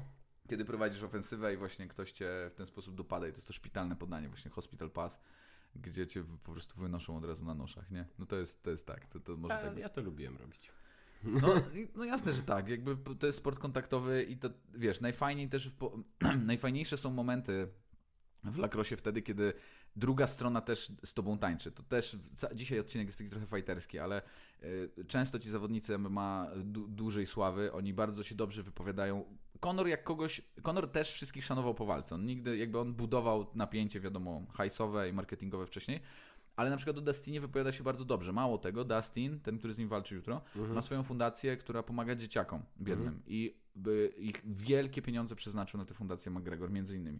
I śmieszna akcja, bo Dustin ma swój hot sauce i wymienił się na whisky Proper 12 z McGregorem. Więc jakby ba- bardzo E, to wszystko jest spoko, ładne, tak. fajne. No bo chodzi o to, że zawsze musi być dwóch do tańca, nie? Jakby No tak. nie, nie, nie dostaną bonusów za Fight Night, jak nie walczą we dwóch, co nie? Jakby, No tak. Jak jest tylko to jednostronne. Nie dostaną, nie będzie, nie będzie ta walka w Hall of Fame, jak, yy, nie, jak się obaj nie doja, jak to nie jest dogfight, nie? No i też jakby, tak samo jest w Lacrosie, nie? Że jest super moment, to szczególnie z Wrocławiem yy, zawsze wychodzi, jak jest taka siekanina, nie? I No. oni wiedzą, że my już przekraczamy granicę tej legalności, oni też, padają ciała, spadają kaski, ale na samym końcu ob... Padają obelgi. padają obelgi, a na samym końcu wszyscy ja pierniczę, ale to było super, nie? Jakby było ekstra. I na tym, na kadrze była podobna sytuacja. E, Michał Stor miał piłkę w rogu, e, w niego się ktoś wpierniczył, ja byłem z Michałem, więc pobiegłem od razu robić tam bardachę, ja wpadłem tam między dwóch zawodników, na moje plecy już też ktoś wpadł i generalnie w pewnym momencie zrobiła się taka totalna bardacha, że każdy się tłukł od ściany, odbijał się od ściany i generalnie jak to się skończyło, to każdy na siebie, który brał w tym udział popatrzył i nie no, ale ekstra, wreszcie coś tu się dzieje, nie? W drugi, w drugi dzień coś wreszcie się coś, e, coś się dzieje. No myślę, że jeden z najciekawszych aspektów chyba w ogóle sportów kontaktowych. No wiesz, no nie bez powodu najlepiej przykładowo, jeżeli chodzi o amerykańską kulturę, wspomina się finały, w których się rzeczywiście coś działo. tak, back to, to back, wiesz. Czy to w koszykówce, Tak, czy tak. w NFL-u, czy w hokeju. To są najlepsze wspomnienia, no bo wiesz, ty jako widz oglądasz to i mówisz, kurde, wiesz, najpierw ci prowadzą, później tam ci się ogarniają, jest po prostu znowu się, znowu Tak, ktoś wychodzi tak. na prowadzenie, znowu go ktoś dogania i to jest, to są emocje, Tak, nie? jest- myślisz tak, sobie, jest kocioł. to jest sport. tak, jest kocioł, wiesz, ludzie się zderzają, szarpią, Widzisz, nie? wiesz, Jest, krzyczących sędziów, krzyczących y, coachy, no, tak, wszystko, jakby wszyscy są nabusowani, nie? No właśnie, to jakby fajne jest to w sportach y, kontaktowych, że jakby masz, jak masz tę parę, która tańczy, no to wtedy masz to widowisko, nie? I jest, jest naprawdę spoko. Zresztą y, to nie tylko, znaczy właściwie tylko w sportach kontaktowych, ale to- to się nie przekłada, jakby w innych sportach, które nie są kontaktowe, nie przykłada, nawet jeżeli rywalizacja jest super i masz pojedynek jakichś dużych drużyn, no to jak nie ma tego kontaktu, to trochę czegoś brakuje, nie? Bo jednak ci, oni, w nich buzuje, podejrzewam, na Mhm. przykład jak buzuje w piłkarzach, ale on nie może jakby tego fizycznie pokazać nikomu, nie? Legalnie. Zaraz po prostu jakby ograniczają go z, reguły, nie? No mi się wydaje, że wiesz, po prostu. To jest tak, często jak znajomym mówię, że futbol jest, czy hokej, czy jakikolwiek inny sport, który nie jest u nas tak popularny, jest zajebisty, to słyszę, no tak, ale nie jest tak popularny, albo nie wiem, nie jest tak dostępny, nie każdy może w to grać. Mhm. Mówię, no dobra, okej, ale ty oglądasz piłkę, interesujesz się piłką, ale co, grasz na co dzień w piłkę? Zdarza, zdarza ci się pograć, tak? Mi też nawet się zdarza pograć. Nie mam nic złego do tego, żeby pójść z kumplami i sobie popykać, nie? Ja mogę z Karola kopnąć, no. Słuchaj, ja tam, ja tam za lubię, nie? No, no. E, Pójść popykać. No ale jakby wiesz, nie jest to jakaś moja... To jest, jak gdzieś tam, jak będę miał coś lepszego do roboty, to wiadomo, że to wskoczy na... Jakby będzie to ważniejsze Jasne. dla mnie. Natomiast jakby to, co właśnie jest istotne dla mnie, to jest to, że oglądam... Jakby, ja mam to porównanie. Ja Mhm. oglądałem mecze piłki nożnej, oglądałem mecze hokeja, oglądałem mecze futbolu amerykańskiego, oglądałem koszykówkę, oglądałem siatkówkę i inne różne... Mhm. Nie uważam się za specjalistę od żadnego z tych sportów. E, aczkolwiek bardzo lubię futbol amerykański na przykład. I powiem ci, że no dla mnie po prostu piłka jest nudna, no. Coś w tym jest. A propos... A Bo propos tam mogą być emocje, zdarzają się jakieś mecze typu 4-8 Tak, i to się fajnie ogląda, bo nagle wiesz, Tak. wpadać tych goli i ci ludzie są happy, nie? Kurde. Ale widzisz, to też zadaje, zadamy tutaj trochę kłam jakby tej mainstreamowej piłce nożnej, o której ty mówisz, że jest fajnie, że wiesz, że jest kolorowo. Ja, na przykład ja og- lubię oglądać duże turnieje piłki nożnej, nie? No. I zawsze kibicuję tym takim śmiesznym drużynom, no, śmiesznym, no, śmiesznym w sensie takim, że one nie Islandia. są faworytami. Tak, Islandia, Kamerun, Ghana, wiesz, oni zawsze, oni, oni mają trochę inne podejście. To jest takie podejście, nie mamy nic do stracenia, więc rypiemy na maksa No. i może się coś po prostu uda. Underdog, I zazwyczaj coś tak się, zwany. tak, i zazwyczaj coś się właśnie, coś się właśnie udaje. A nasza reprezentacja gra trochę zawsze z, z takiej pozycji. My myślimy, że jesteśmy Niemcami, a, a my, jesteśmy, my nie jesteśmy nawet Islandią. Wiesz o co chodzi? Że my sobie nie zdajemy sprawy z tego, że tam jest tylko Lewandowski. Tylko. I jest jakby, okej, fajnie, że są ci inni piłkarze, ich doceniam. To są super sportowcy i tak dalej. Ale razem to trzeba, tak jak mówimy o polskiej kadrze w lakrosie. Ja wiem, że ja nie zagram ze Stanami Zjednoczonymi. Nie zagram o finał Mistrzostw Europy w, w tym roku, jak się będą odbywać. Bo Mhm. nie, nie jesteśmy w stanie pokonać Anglików. Jesteśmy w stanie z nimi grać, okej, ale wydaje mi się, że nie jesteśmy w st- I zdając sobie z tego sprawę, jakby stajesz się też lepszym sportowcem, wydaje mi się. I wtedy może się wydarzyć coś niesamowitego. Tak jak właśnie taki Kamerun, taka Gana, że nagle Mhm. gra z jakąś Portugalią, bum, 2-1, nie? Wygrywają. Nikt nie wie. Islandia, tak jak Islandia robiła, nie? Nie mieli nic do stracenia. Goście, którzy pracują w biurach, nie? I nagle wiesz, wjeżdżają i, i, i po prostu y, łoją dubsko, nie? No to właśnie mówiąc, wracając do tych sportów mainstreamowych, czy słyszałeś o aferze mm, telewizyjnej z piłką ręczną?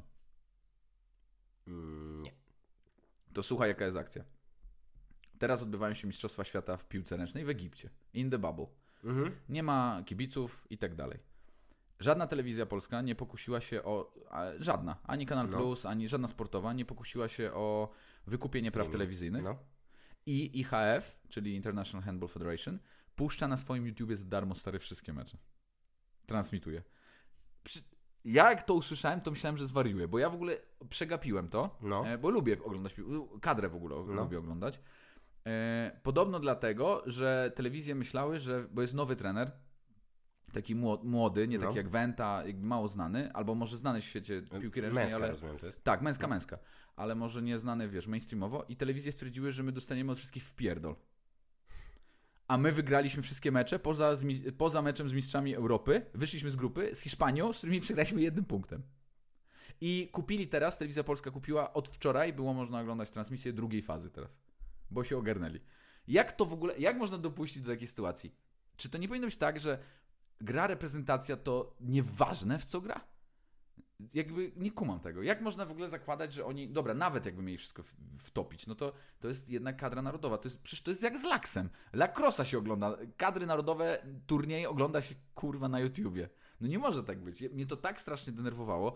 I wiesz, oglądasz bez komentarza, y, nic tak naprawdę nie wiesz, no bo, no bo co masz wiedzieć, wiesz. Mhm. A cały czas w mediach się pojawia. Rozgromili Tunezję.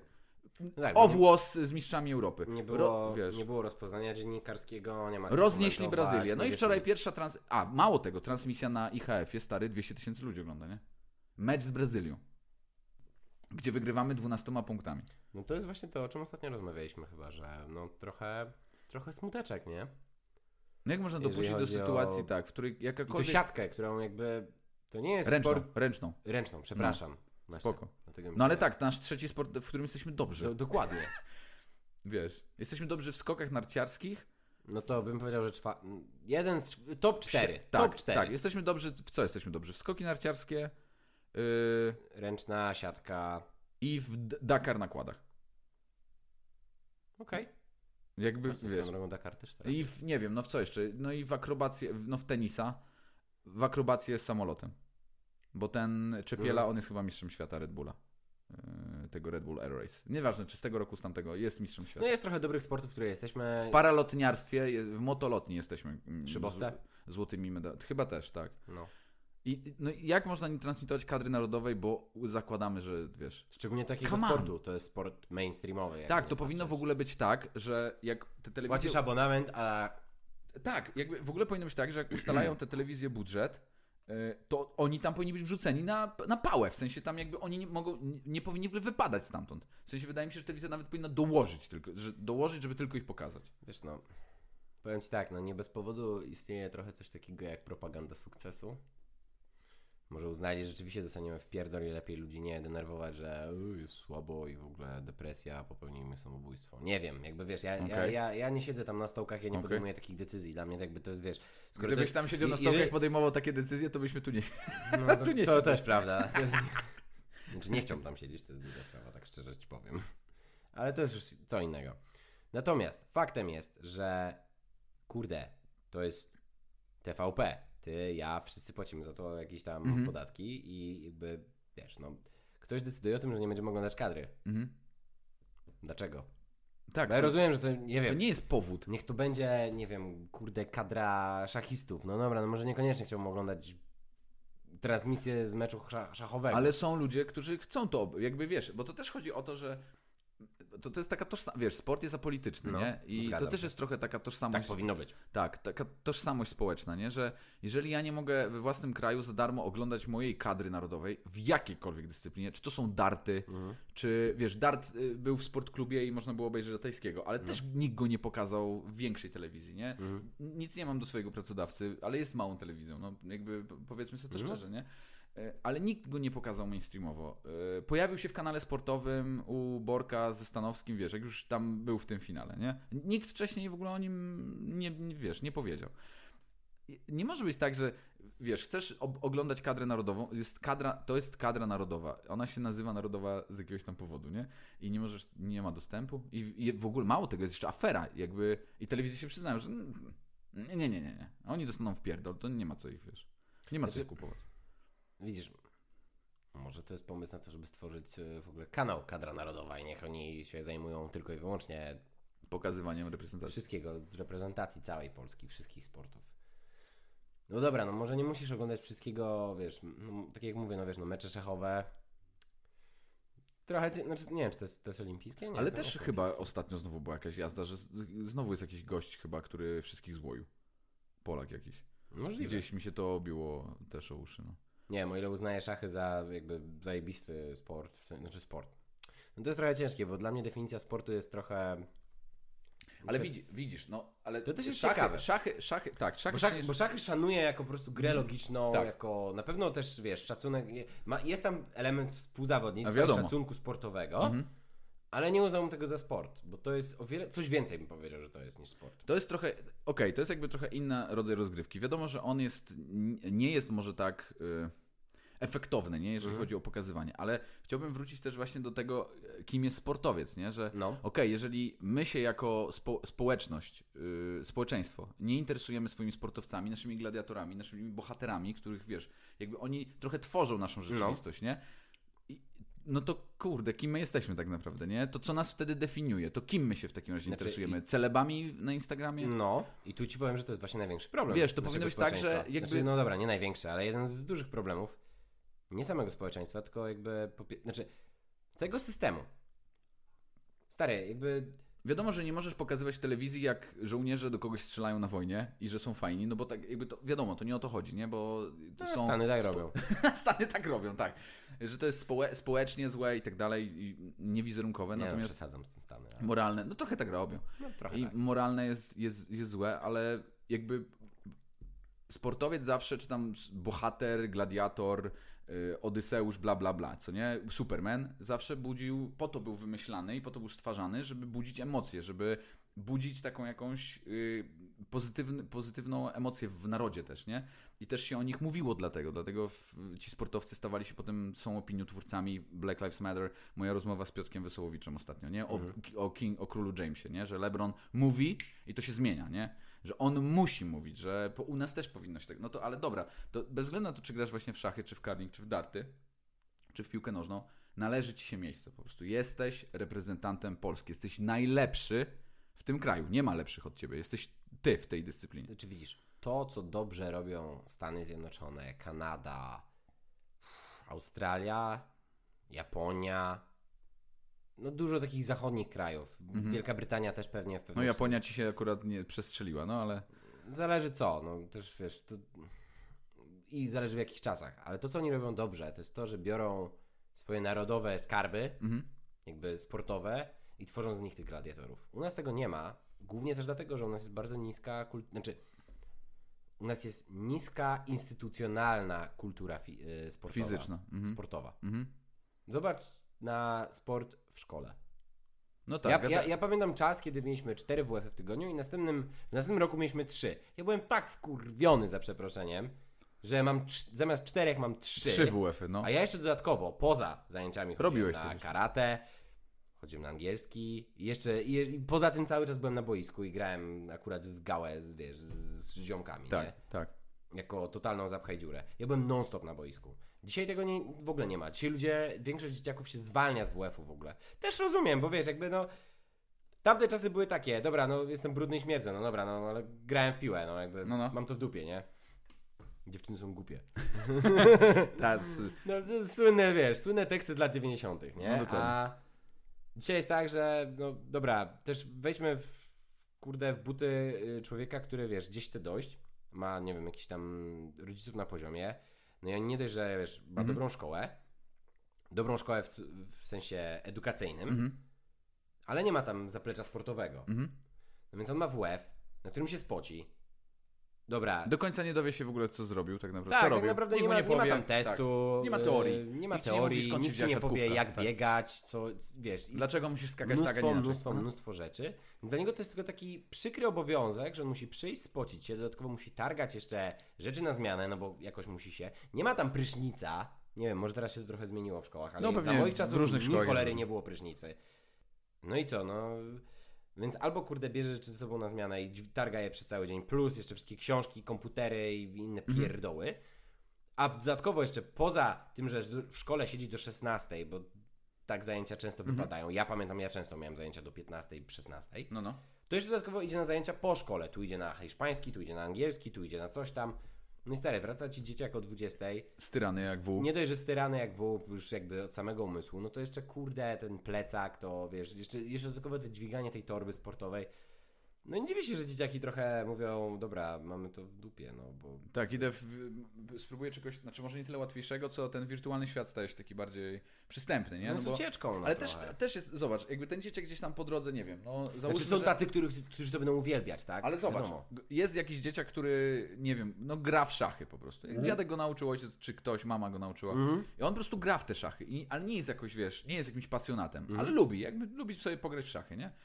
I nagle, nie wiem, wstaje rano, idzie do szkoły i włącza się telewizor i zamiast Dzień Dobry TVN wjeżdża typ, który w Japonii, bo tam jest różnica czasu, No. bla, bla, bla, nieważne, powtórka, rozwala, wiesz, zostaje mistrzem świata w szachach, nie? I dostaje honorarium, mówi się o tym, że ma kupę kasy, że jest ten... I on nagle, ej, jakby mogę to robić w sumie. Jestem dobry w szachy, nie? Jakby może będę to robił. Mhm. No a nie dowiadujesz się o tym. Jest piłka ręczna i ktoś sobie Mhm. pomyśli, że ej, no dziecko chodzi na piłkę ręczną w Kielcach, nie? Czy coś tam, Mekka w Polsce piłki ręcznej. Yy, ale wiesz, nie pokazują, to, bo to rodzice też trochę tak myślą, że no nie ma kasy tam, będzie biedakiem, nie, nie będzie, lepiej, żeby nie został zawodowcem. To go zabieram z tej piłki ręcznej i zaczynają te dzieciaki znikać, nie? Po prostu z hali wtedy, nie? W Nie. takich sytuacjach. A wiesz, a oni nagle wchodzą, wygrywają wszystkie mecze i nawet o tym nie wiesz. Ja mojej mamie wysyłałem link na YouTube, mówię, zobacz, bo kurde na YouTubie to trzeba oglądać, nie? Bo przecież piłkę ręczną, nie wiem czy pamiętasz, jak jeszcze był Bogdan Wenta, No. trener, to się przecież oglądało jak skoki. To No przecież pewnie, tam tak. ja, jak wbijali. 6 sekund, tak, 6 sekund y, do końca meczu, jest wyrównany wynik chyba z, z Danią czy z kimś tam.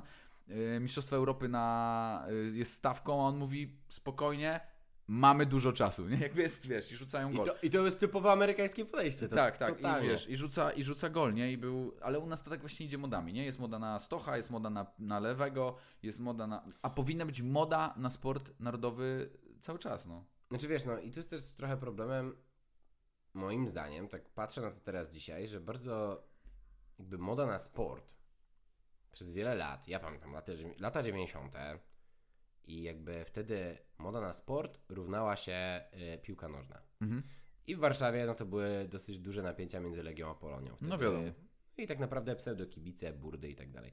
Oczywiście dużo, powiem tak, dużo gadałem z ludźmi, którzy stali po jednej lub drugiej stronie konfliktu. I absolutnie uważam, że wszelkie ich argumenty są z dupy. Jakby, sorry, nie, jakby ja nie, nie uznam, kurwa, nigdy rozpierdalania jakichkolwiek części miasta, czy na... Chcesz, Mhm. jak, jak ja, zawsze, ja zawsze to mówię, chcesz się napierdalać, ustaw się pod blokiem, proszę bardzo, Rób co chcesz. zrzuć, ko- niech ci ktoś zrzuci cegłę, chod, czy płytę chodnikową na łeb, mam to gdzieś. Mam to totalnie gdzieś. Usunąłeś się z puli genów, tym lepiej. Jakby dla mnie taki. Sorry, dla mnie to jest prymitywne, że to jest taki trybalizm. To jest wiesz, ja jestem, jestem za Legią, to chuj ci w dupę, bo jesteś z Polonii. Albo ja jestem za tym, to chuj ci w dupę, bo jesteś skądś tam. I co gorsza, już to nawet nie, nie chodzi o Belgii, to już chodzi, wiesz, o głębsze rzeczy. I to ja pamiętam, wiesz, jakby jako dzieciak, kurde, z, wiesz, z y, jakiś tam, no z Bielan, tak? Więc u nas było różnie. Bo są lepsze części Bielan i gorsze części Bielan. Ale generalnie mogłeś iść i dostać, wiesz, pytanie Legia czy Polonia. Jak powiedziałeś e, źle, czy ty, czytaj zły, zły, zły klub, no to dostawałeś wpierdol. Jak powiedziałeś, że tym nie interesujesz, to dostawałeś jeszcze większy wpierdol. Tak, to, był taki, to jest takie mit- mityczne pytanie, którym mnie straszyli starsi koledzy, jak byłem w liceum, że jak pojadę do Warszawy, to mi będą zadawać takie... Były dwie rzeczy. Jedna rzecz była taka, że tym, że tym, że muszę znać od, odpowiedź na to pytanie albo uciekać, a drugie, że jak pojadę do... y, Już nie pamiętam, jak się nazywa tak, ta dyskoteka. y, mm, Dyskoteka. Tak, była jakaś nazwa dyskoteki, tak to moi koledzy starsi nazywali, że tam ludzie ze strzykawkami z AIDS biegają i tam w ogóle nie wolno jeździć, ale nie... tak, Okej. to, były, to były dwa mity, którymi mnie straszono Tym, tym, mnie wycieczką stra- do tym Warszawy. mnie straszyła moja mama, że mogę gdzieś Przed wycieczką mnie do ktoś, Warszawy. Wiesz, Przed z wycieczką do strzykawkami gdzieś wbić, nie? No, ja ale mówię, wiesz, mamo, co ty? A ja mówię, co wy chłopaki opowiadacie? Magdę mnie oglądacie? Tam jest zupełnie... Na wspólnej? Tam jest zupełnie inaczej. Wcale I nie tam tak. romans z kieliszkiem. Wca- Tak, wcale nie tak. Tam są alkusy, ale jest lekarz Kazimierz, ale generalnie jest Znaczy- całkiem okej. no. To- I to jest właśnie fakt, ta, jakby ten dualizm polski zaczął się właśnie wtedy trochę tworzyć, tak bym chciał to zauważyć, tak, tak socjologicznie trochę.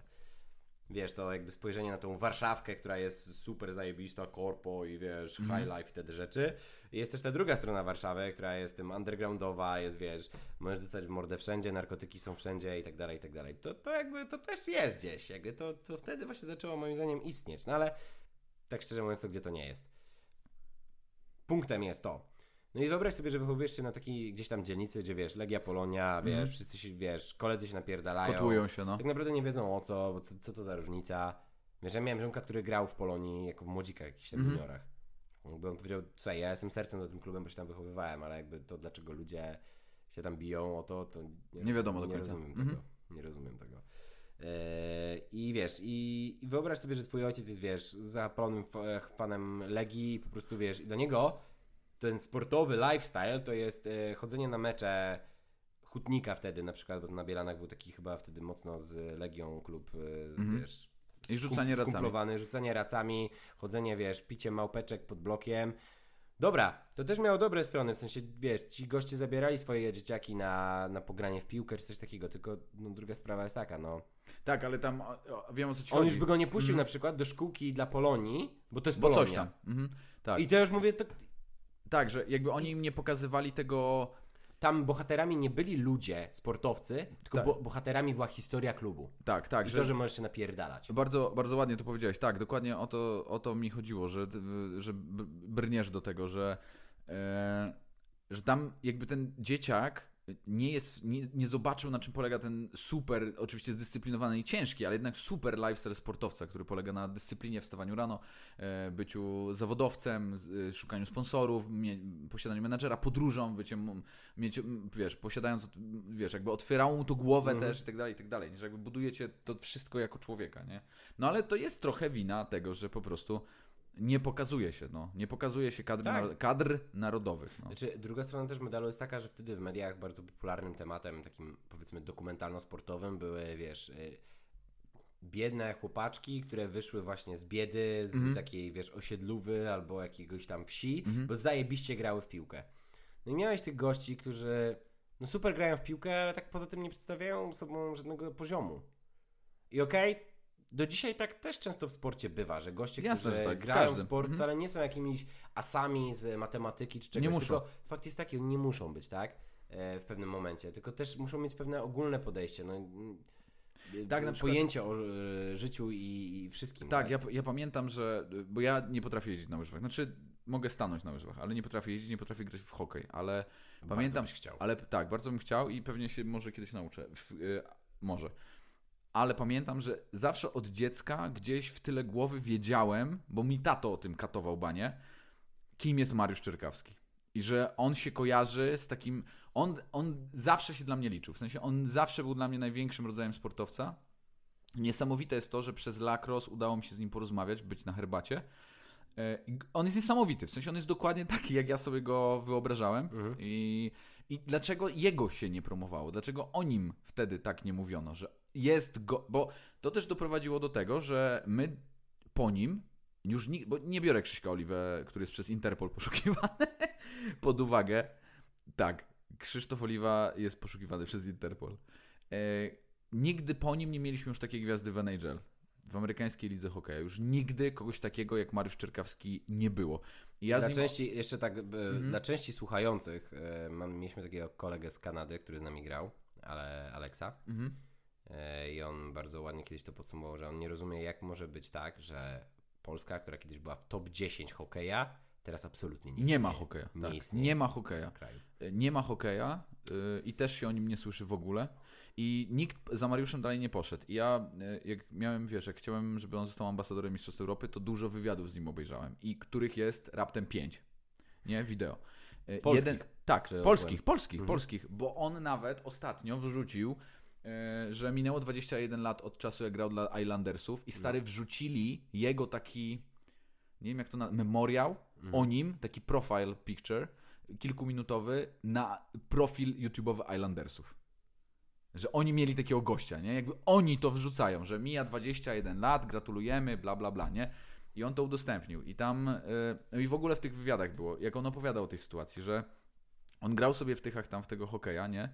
I po prostu koleś, który transfer, on wiedział, on zawsze wiedział, że on nie będzie mie mieszkał w Polsce, nie? Że to nie jest, że to jest NHL, nie? Że to on musi tam się jakoś dokopać, nie? I y, w tej historii to jest super, że on opowiadał, że po prostu on, żeby dostać się do Nigel, no to najpierw musiał dostać się do Skandynawii. To była wtedy w latach droga. tam 80. była ta droga, że tak, że to przez Skandynawię trzeba zrobić, no bo to są największe, najwięksi goście akurat w Europie. No i jego w ogóle wziął do transferu y, Polak, który zajmował się transferowaniem piłkarzy do Skandynawii. I on powiedział, że on hokejsty nigdy nie robił, nie? No ale tam mu mówili, zobacz kurde, jakie on ma wyniki, jakie ma ten, jakie ma mhm. stacje, nie?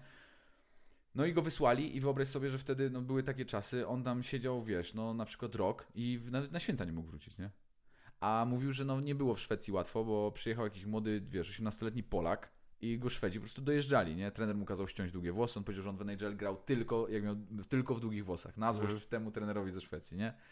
i kazał mu ściąć włosy i tak dalej, i tak dalej. No on tam tak, pierwszy sezon, król strzelców, MVP, wygrywają mistrzostwo, coś tam i nagle NHL, nie? Nagle draft i, i wiesz, i to życie, to życie w Stanach i on tam opowiada taką ciekawą historię w tym wywiadzie, że wiesz, że tam rezerwują na dwa dni jakiś pokój w hotelu w penthouse, bo kumpel y, z drużyny, w której on grał, y, podpisał kontrakt na 200 tysięcy dolarów, nie? Jakieś, jakieś drobne, które wtedy były no, były ogromną nie, no, kasą. Kiedyś 200 tysięcy dolców tak. to nie było mało. No. Tak, dzisiaj są drobnymi, a to wiesz, to rok, na rok, nie? No. Y, wiesz, i oni wtedy kilka dni imprezowali w tym imprezowali w, w, hotelu. No i on tam opowiada tę historię, jak dużo trzeba poświęcić, nie? I, I, jak dużo on zobaczył i jak dużo mu to dało, nie? Mm. I, jakby te historie w ogóle nie wypływają, nie? Kompletnie nie wypływają.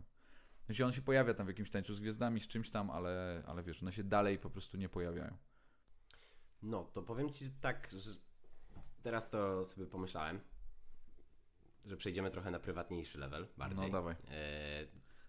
Miałeś bohaterów takich sportowych za dzieciaka? No, Bo rozumiem, że Czerkaski, tak? No to jest Tak, myślę, ale myślę, że też, tak, myślę, że też ja do, jakby dojrzałem do tego Czerkawskiego. W sensie to jest mhm. trochę tak, że on jakby, wydaje mi się, że był moim bohaterem sportowym jakimś z dzieciństwa, ale jak się z nim spotkałem, to do tego doszedłem jakby, że ej, kurde, ja chyba jakby zawsze chciałem być Mariuszem Czerkawskim. I on mnie zawsze, zawsze robił na mnie wrażenie i rozumiem też, jakby rozumiem teraz dlaczego, nie? Jakby to poświęcenie, też dyscyplina niepopularna do końca, mhm. y, to, że wiesz, jakby przeciął te wszystkie, te wszystkie szlaki, więc myślę, że tak. I taki y, hybrydowy, w sensie trochę sportowy, trochę popkulturowy, to na pewno zawsze odkąd pamiętam Bruce Lee, nie? W sensie to też mhm. był, była taka postać mojego pokolenia, nie? Który, on też w sumie szedł pod prąd, Y, i był taki trochę magiczny, nikt tak do końca nie wiedział, wiesz, czy on naprawdę robi te rzeczy, czy o co tu chodzi, nie? Potem ginie też w jakichś okolicznościach takich nie do końca wyjaśnionych. Jego syn zresztą też i to jest takie... No więc myślę, że tak, że ta fascynacja też sztuki, sztukami walki na pewno się wzięła od niego, nie? To nie był, nie był Muhammad Ali ani Mike Tyson, nie? To się, to się od Bruce Ali wziął. No też pamiętajmy, że to są czasy, kiedy no, jedne co mogłeś zobaczyć to były rzeczy, które były puszczane w telewizji. No, tak, tak. Internet prawie nie istniał wtedy i co, no nie mogłeś sobie bić na YouTube'a i akurat obejrzałeś relację gdzieś w, nie wiem, w dzienniku, bo, bo leciała sportowa, że ktoś tam coś zdobył tak. i nagle sobie wpisujesz tak, mogłeś sobie sprawdzić, e, kim, i, kto jest kto. Tak, no. zapamiętałeś imię i nazwisko i pyk, y, oglądasz jego, kurde, nagrania, z, wiesz, z czasu, kiedy był jeszcze młodzikiem, nie? No, ja ci powiem, że na przykład u mnie jest trochę problematyczne, bo właśnie przez ten brak dywersyfikacji, jeżeli chodzi o sporty, mhm. za czasów e, mojego dzieciństwa, no nie miałem takiego bohatera, takiego stricte, że uznaję go za po prostu foundation okay. wszystkich moich sportowych jakichś tam, jakichś tam rzeczy. Natomiast na pewno mogę dwie postacie tutaj wyróżnić. Yy, jedną to jest Michael Jordan. No to, to, tak, to on u mnie też w pewien sposób, to, to jasne. Space tak, Jam. Wiadomo. wiadomo. były te czasy. Tak, on, ja mm, nie pamiętam, w którym podcaście o tym mówiłem, w, ten, w którym odcinku, ale on u mnie był takim gościem, chyba tam, gdzie komentowałem Last Dance, ale właśnie on, on i Vince Carter z Toronto Raptors mm -hmm. to, by, to były takie osoby właśnie, że ja wiem, że nie będę nigdy takiego, mm -hmm. nie, ale to był taki sen, jakby. Był, tak. On był takim bogiem, właśnie superherosem trochę. Tak, ale tak, Jordan na pewno. A drugi? A drugi, i to już trochę później, bo to były czasy gimnazjum, e, kiedy zacząłem właśnie moje rowerowe przygody. E, I to był do dzisiaj nie wiem, czy to był Gracia czy Garcia, ale chyba Gracia. Cedric Gracia. I... No, ale to był kolarz, tak? Nie, górski, nie, nie, nie, nie, żaden, żaden, znaczy kolarz górski to jest, on, on trochę robił takich rzeczy, ale nie, to ja, ja się wkręciłem, wiesz, w Ja się tak trochę nazywam to takim dla mnie y, polskim surfingiem trochę. W sensie, Okej. kojarzysz te filmy o, surf, o surferach, nie? Tak, to tak, są tak, takie tak, tak, trochę tak. Utopie, trochę taka dys, właściwie dziwne grupy, czasem trochę destruktywne same w sobie. Mhm. E, jakby patrzeć na to popkulturowo. No i trochę to tak było w Polsce z e, początkami e, jazdy rowerem wyczynowej, ekstremalnej. E, szczególnie na przykład, e, no wiadomo, w górach to w ogóle to inaczej wyglądało, no ale w taki, takim płaskim miejscu, jakim jest Warszawa. No to miałeś na pewno BMX-iarzy, takie wszystkie street, ki- street kidy tak zwane, które wiesz, tu skate, tu trochę, tu trochę BMX, tu Mhm. trochę rower, a to były czasy, kiedy właśnie Polska się trochę, rynek się trochę otworzył, wiadomo, to były te lata 90., no i zaczęły spływać jakieś nowinki y, technologiczne Okej. i zaczęły być fajne rowery. I właśnie jednym z takich fajniejszych rowerów to były rowery freeride'owe czy down, down, downhillowe. Czyli to były rowery z, wiesz, dwupółkowymi amortyzatorami, w ogóle i dwoma Jakieś na maksa wypasione, z no. tyłu, tak, wiesz, do jazdy górskiej, do zjazdów w górach. Mhm. I tak naprawdę dopiero wtedy odkryłem, co, to jest i moją wielką miłością właśnie był downhill, którego dopiero po paru ładnych latach udało mi się w ogóle dotknąć i złamać obojczyk, tak by the way. Okej. Drugi raz wtedy już. Eee, no ale wiesz, to byli ci goście, którzy nosili kaski, na nich mieli gogle. Tak, było dużo sprzętu, wiesz, gadżeciarskie to było, no. To nie było takie gadżeciarskie, gadżeciarskie, to po prostu było super dla mnie. To było to, co oni robili, wiesz, ze swoim ciałem jeżdżąc. Bo wiesz, dla mnie zawsze było tak, jeż- jeżdżenie na motocyklu czy samochodem, fajnie, jest to jakby na pewno efektowne, efekciarskie i Mhm. super i wymaga umiejętności i też fizyczności. Natomiast na rowerze to jest zupełnie different ball game. Ale jest- to miałeś tylko tego, tylko tego jednego Garcia, Nie, tam było Gar- Garcia, czy jak on się tam nazywał, Wiesz tam-? Bo była, bo była jakaś taka, nie pamiętam jak ona się nazywa, ale była jakaś taka sportsmenka, co była dobra w kolarstwie górskim. I też była na fali przez moment. To Nie. była dziewczyna na pewno. Bo kolarstwo, znaczy, poczekaj, A jaka jest różnica pomiędzy downhillem a kolarstwem górskim? kolarstwo górskie, w ogóle kolarstwo dzieli się na wiele typów. Mhm. E, czyli masz te wyścigi typu Tour de Pologne. Aha. E, i to No są- wiadomo, to jakby kolarstwo szosowe, no. Tak, Tak. kolarstwo szosowe. Kolarstwo górskie, które ty określasz, to zapewne mi się wydaje, że chodzi ci o cross country tak zwane. Cross Okej. country to jest właśnie, to są wyścigi czasowe, to są też jakby, bierzesz te odległości, to są szosowe, trochę mniejsze, po górach, to są, wiesz, gdzie masz duże, i się wspinasz, i trochę Tak, zjeżdżasz. ale nie zjeżdżasz tylko z górki, Tak. nie? Downhill z kolei, z kolei to jest e, tor Mhm. w górach lub czasem na jakichś wyżynach. Zależy, bo też teraz się to w ogóle podzieliło na dwa typy downhillu, bo jest taki downhill bardziej oldschoolowy, czyli dosłownie masz górę i, w zjazd z niej. No. I oczywiście to nie jest w dół po linii prostej. Też są takie akcje. Polecam tutaj e, dokument Red Bulla, coś tam Nightfall. I to są gościa, którzy pojechali na Antarktydę, no, gdzieś tam w okolice Spitsbergen i dalej. A ten jest jeszcze dobry chyba, ale to nie wiem, czy tam jest tylko downhillu, jest jakiś Netflixa, nie? To chyba nawet razem Był. Death Grip, no. Ale to nie, to tam były różne dyscypliny, bo właśnie to, generalnie ekstremalne jeżdżenie dzieli się na kilka dyscyplin i ono się dzieli tak, po pierwsze na, znaczy no street, no street, street to jest y, uprawiany w mieście, to są różnego rodzaju triki, Mhm. one też są często później powielane w innych dyscyplinach, natomiast chodzi o to, że praktycznie jeździsz na płaskim albo na rampie. Okej. Eee, W BMX-ie masz jeszcze slajdy, wiesz, na różnych tam poręczach, murkach i tym podobnych. Flat to jest jeżdżenie na pegach i wiesz, robienie jakichś dziwnych akrobacji Generalnie w na płaskim. Tak, generalnie na płaskim. Masz jeszcze dirt. Dirt jest super, bo jest bardzo efekciarski. Dirt polega na tym, że masz ogromne, sztucznie usypane hopy, które praktycznie wystrzeliwują cię jak nie 90 stopni w górę, to przynajmniej 45 i wtedy lecisz dużą odległość, one mają dziurę między sobą. Aha. Chodzi o to, żeby wyskoczyć jak najwyżej i w tym czasie Robić akrobację. wykorzystać momentum i robisz akrobacje różnego rodzaju i to, co się jakby, to co ja pamiętam, dla mnie to było crazy wtedy, dzisiaj to jest w ogóle Norma. przeciętny dzieciak to potrafi. Ja pamiętam, że jak oglądałem y, X Games, nie? I No. Jak wjechało, wjechało Extreme Sports i można było oglądać te X Games, wtedy jeszcze chyba na Wizji TV, a i na Kanal Plusie, to e, właśnie pamiętam, że tam jak ktoś zrobił backflipa, nie? Na deskorolce albo na, moto, na motocyklu, albo na BMX-ie, to wszyscy byli rozwaleni. A dzisiaj potrójny backflip to jest standard, nie? W. No, sensie jakby... Podwójny to jest standard. Tak, to jest klasyk, nie? No, a to, to, Ewolucja tak szybko- drogą, szybko Tak swoją ewoluowała. drogą backflip wcale z tego co wiem nie jest najtrudniejszym trikiem. No mi się zawsze wydawało... 720 jest trudniejsza. Mi się zawsze wydawał tail whip mega trudny, bo musisz Jest. obracać tym Mhm. rowerem w- strasznie szybko, nie? No. Ale to ty robisz to trochę bardziej zawodowo? W sensie brałeś udział w jakichś zawodach? Nie, nie, nie, słuchaj, to wtedy, wtedy te czasy to były, wiesz, to były totalnie pionierskie, to były pierwsze rowery się pojawiały, wiesz, pierwsze jakieś tam grupy, no, cała ekipa praktycznie w Warszawie to się prawie każdy znał, gdzieś tam przez, albo przez, wiesz, znajomych, albo znajomych znajomych, albo, albo bezpośrednio i tak naprawdę wtedy całe życie toczyło się na miejscówkach. Jechałeś na daną miejscówkę, spotykałeś ludzi, skakaliście, poznawaliście się e, i to było fajne. Natomiast e, i, poczekaj, bo nie dokończyłem ci w sumie jeszcze a propos tych e, Idoli. Da, znaczy nie, jeszcze, jeszcze wróćmy do Rodzajów. na, na co się dzieje, na, na co się dzieli. I dalej mamy tak. E, później to jest dyscyplina która trochę w, w, pomieszała freeride i dirt. To jest slopestyle tak zwany. Mhm. I slopestyle jest e, to dyscyplina, która e, też rozgrywa się w jakichś cie- cięższych e, warunkach naturalnych, na przykład w British Columbia najczęściej, teraz e, chyba tam najlepsi slope, slopestylerzy pracują. Czyli generalnie masz sztucznie usypane tory, które też mają w sobie te takie dirtowe, sztuczne wybicia. I one też polega, ale mają też na przykład bardziej charakterystyczne dla freeride'u czy downhillu dropy, czyli po prostu, że nagle jedziesz i masz kamień, z którego zyskakujesz 3 metry w dół i chodzi o to, żeby tam robić triki Okej. przy bardziej naturalnych warunkach. I oczywiście to nie jest tak efekciarskie, ale to jest połączenie toru na czas plus style jazdy. Plus jeszcze stylu. Styl, Mhm. stylu.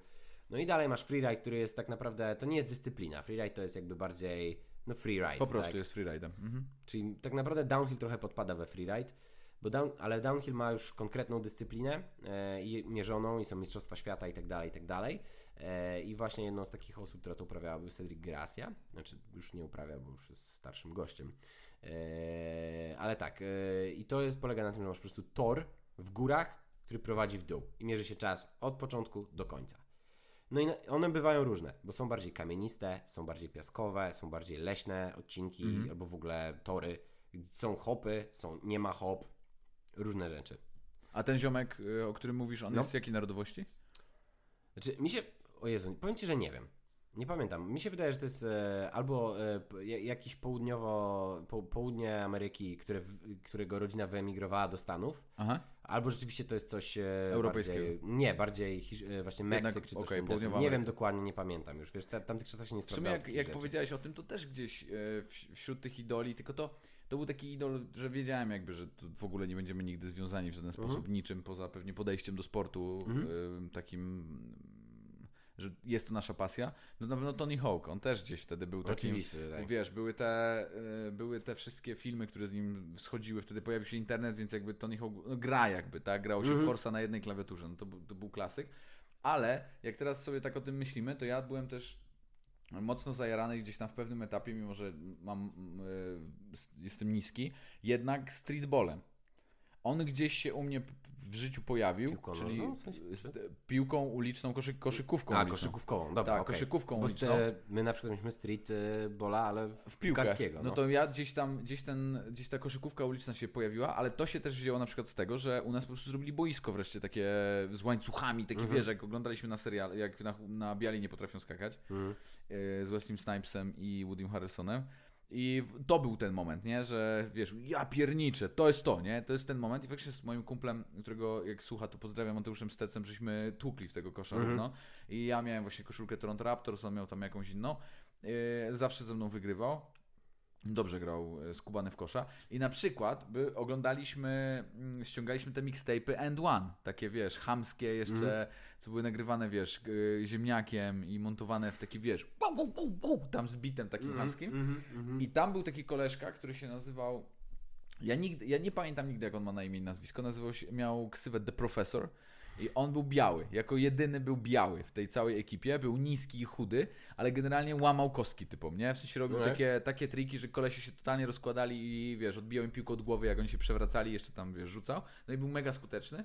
I on nigdy nie zagrał w NBA i co ciekawe, ja go jakoś zgooglowałem. Y, nie pamiętam kiedy, ale on ma swój kanał na YouTubie, który się nazywa Professor Live. I on, on zasłynął z tego, że tam już mówił, że on w którymś odcinku tam odpowiadał, że wiele lat temu już wiesz, już był prawie bezdomny, bo tam brali, wiesz, End One się skończyło, już nie jeździli na Filipiny, do Chin, do Japonii, więc on jakby przestał być tą, tą gwiazdą. Do NBA się nie nadawał, bo ten jego styl jest taki, że on, wiesz, on w NBA grałby nielegalnie, nie? W sensie Mhm. robiłby kroki, piłkę by niósł, wiesz, tego typu rzeczy. I opowiadał, że już prawie był bezdomny, coś tam, że właśnie nie miał kasy. I wymyślił filmik. I przebrał się za Spidermana, bo on mieszka w LA. I poszedł na jakiś bojo, takie, wiesz, bliskie i nakręcił ziemniakiem jak łoj typów w stroju Spidermana.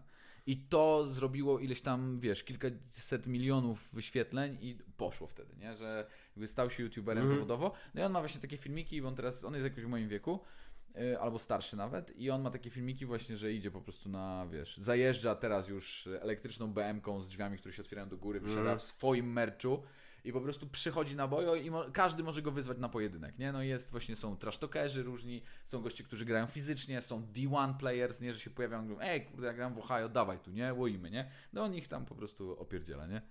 Więc y, jak teraz o tym mówimy, to on jest też chyba, on gdzieś taki był. Powiem Ci, że zawsze miałem takie... Darzyłem zawsze dużą estymą takich, te, właśnie takie street, street life taki.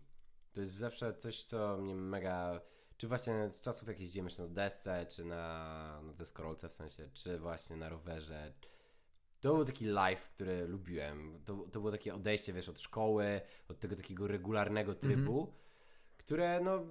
Szczerze, części moich znajomych dobrze nie wyszło od tego, którzy to robili. Nie wiem, jakby to jest właśnie trochę przykre, nie? Że No to są nas- ludzie, którzy mieli jakiś talent i, I go zmarnowali. Ale to sami wiesz, go u nas- zmarnowali, ale druga rzecz, że też nie mieli wcale dużo okazji, żeby coś z tym zrobić. U nas y, w miasteczku to zawsze było tak, że my y, jakby my próbowaliśmy być tacy jak wiesz, jak ten street life y, w, duży, w dużym mieście, co nie? No Że wiadomo. nam się wydawało, że tak. Jak No, były ale- dyskoteki szkolne, to wiesz, to jak ja właśnie- szedłem ubrany na dyskotekę szkolną, miałem biały t-shirt i na biały t-shirt miałem założoną, y, miałem bojówki oczywiście, come on, bo, jasne, że bojówki, riboki do gry w kosza. y, Starcie było na to, wow. Miałem tylko te Ja nawet takich nie miałem. Miałem riboki, tak, były za oceny dostałem No. od rodziców riboki Zajebiście. do grania w kosza. I to były w ogóle Reeboki, to chyba były Reeboki, tak, to były chyba Reeboki, które nazywały się Mad Talent 2. To był, tak się nazywał ten model. Były czarne, błyszczące, ze srebrnymi elementami. Wyglądały jak buty, stary, wyglądały jak buty, jak kalosze. Yy, I do tego miałem bojówki. I uwaga, góra. Yy, to, totalny Long Island douchebag, nie? Miałem biały t-shirt i na biały t-shirt miałem założoną koszulkę taką do koszykówki, siatkowaną. Charlesa Barclaya z Phoenix Suns, Po nie? prostu Come lata on! 90. Stary, chuj. Totalnie, nie? Jakby totalnie. Jak teraz właśnie Yy. patrzę na te dzieciaki, co się pouro- wiesz, urodziły 99, 2000 i oni próbują naśladować teraz lata tak są, 90. przecież oni są tak, to mam tak takie... Ja You're, do, te- you're doing it wrong. buty, ja pamiętam, że te buty miały taką akcję, że z tyłu y, miały srebrny symbol NBA, w sensie No. były, one były na maksa ostre, nie? I ja Wiecie. robiłem, ja miałem tak, taką miałem metodę, że y, chodziłem w tych butach, w sensie to były moje buty do kościoła, a, a potem jak się niszczyły, to grałem w nich w kosza, nie? Okej. Genialny system, System. po prostu tak. Rozjebany. Tak, idealny, tak, idealny, idealny system, ale no good times, good times. No to właśnie pamiętam, że, że tak to wygląda. Ale stary, zobacz właśnie, to, to, to jest zabawne, że dla mnie jakby to sport pewnych, w wielu aspektach właściwie ukształtował mnie nie tylko pod względem jakby, nie wiem, sportowym, jakimś, nie wiem, cielesnym, fizycznym, Mhm. czy edukacyjnym, ale też jako, nie wiem, sposób bycia. Tak, ja do dzisiaj e, mam coś tak. takiego, że nie wiem, no jakby Mi na przykład bardzo pomogło. o, trzeba zrobić coś, nie wiem, y, trzeba spędzić 7 godzin na wysienniku, kurwa, 37 metrów nad ziemią w śnieżyce, kurwa i minus 10. Spoko, ja to zrobię. Jakby Tak, tak, tak. Zero problemu. Mi, mi bardzo na przykład, wracając jeszcze do naszej wycieczki do Izraela, to mi bardzo dużo na przykład ta wycieczka też, znaczy może nie otworzyła oczy, ale tak mnie nauczyła, że kurde, jest tak strasznie dużo fajnych rzeczy na świecie, nie? Które można, można robić tylko dlatego, że się, że się uprawia sport, nie? No bo No. my jakby sobie sfinansowaliśmy ten wyjazd kurde, Pracą. przypadkiem. T- tak, i t- trochę takim psim smętem, nie? W sensie, to się po prostu trafiło, ludzie nam zaufali i, i więcej ty no. pracowałeś rzeczywiście 90. Ja, jakby na to nie patrzeć, z racji na to, że ostatnio aktualizuję moje CV, to y, Był to jakiś. jeżeli e, chodzi deal o mój y, doświadczenie. sztuki wizualne, w Tak. których teraz jakby pracuję, to... No to był to game changer. Mój, znaczy, to, był mój, to było moje prawdziwe pierwsze zlecenie. To prawda, to prawda. I ono było tak naprawdę, bo pewnie ktoś słucha, to sobie myśli, no tak, no jak dostali hajs. Nie, do, mieliśmy opłacone loty i pobyt, nie? Jakby to, było, to było wszystko. I co najciekawsze, polecieliśmy tam tydzień, tydzień, to było tydzień czy kilka dni przed. Cztery e, dni wcześniej. Cztery dni wcześniej, więc już byliśmy ogarnięci w tym Widzo Hadassim. Widzo E, w, tym, w tym kampusie, na którym nas tam zostawiono. No i na przykład dużo takich fajnych anegdot, nie? Że na przykład mm, takich typowo sportowych, że przyjeżdżamy tam na te 4 dni, mamy opłacony bardzo fajny lot e, liniami izraelskimi, które, na których było jedzonko i pićko. I było miło, i był alienista w tym, pokazujący na ekranie, co Mentalista. ma zrobić. Ment a co ja powiedziałem, alienista? Alienista. No Dobrze, bo nie czytam foliarz. Lovecrafta teraz, bo czytam Lovecrafta i do tego. A, E, szalone góry. Góry szaleństwa znaczy się. E, tak, ale mentali był mentalista. jak Ci się podobało połączenie Sabriny nowego sezonu i... Tu jest, y, tu jest o sporcie. Tu Ja jest, wiem, a... To po, poza to anteną. Po, poza anteną. I wiesz, i przy, przylatujemy te 4 dni wcześniej, też musisz to ogarnąć i jakby zupełnie, bo Izrael jest taki jak, on nie jest taki jak inne kraje. W sensie możesz być w ciepłych krajach gdzieś, ale on jest totalnie inny, nie? To jest taka, to jest taka... To jest Połączenie, kurde, y, niby klimatu Stanów- śródziemnomorskiego, ale trochę Stanów. To jest taka takiego- zamerykanizowana Arabia, nie? To jest No. dziwne na maksa to jest. I przylatujemy tam. 4 dni wcześniej i w... nikt nie wie, kim my jesteśmy tym Widzo Hadassim. Nie mają pojęcia, że my tam w ogóle mamy być. Yy, mieszkamy w jakichś domkach, tam są w ogóle izraelskie dzieci, które... to, to jest też super, że my tam wbijamy i pamiętasz to pierwsze śniadanie. Przychodzimy na to śniadanie, jest pełno jakichś dzieciaków izraelskich i mają takie oberwane rękawy jak w amerykańskich filmach w więzieniu. I my tam wbijamy i ja ci od razu powiedziałem, mówię, ziomek, to jest, coś tu jest nie tak, nie?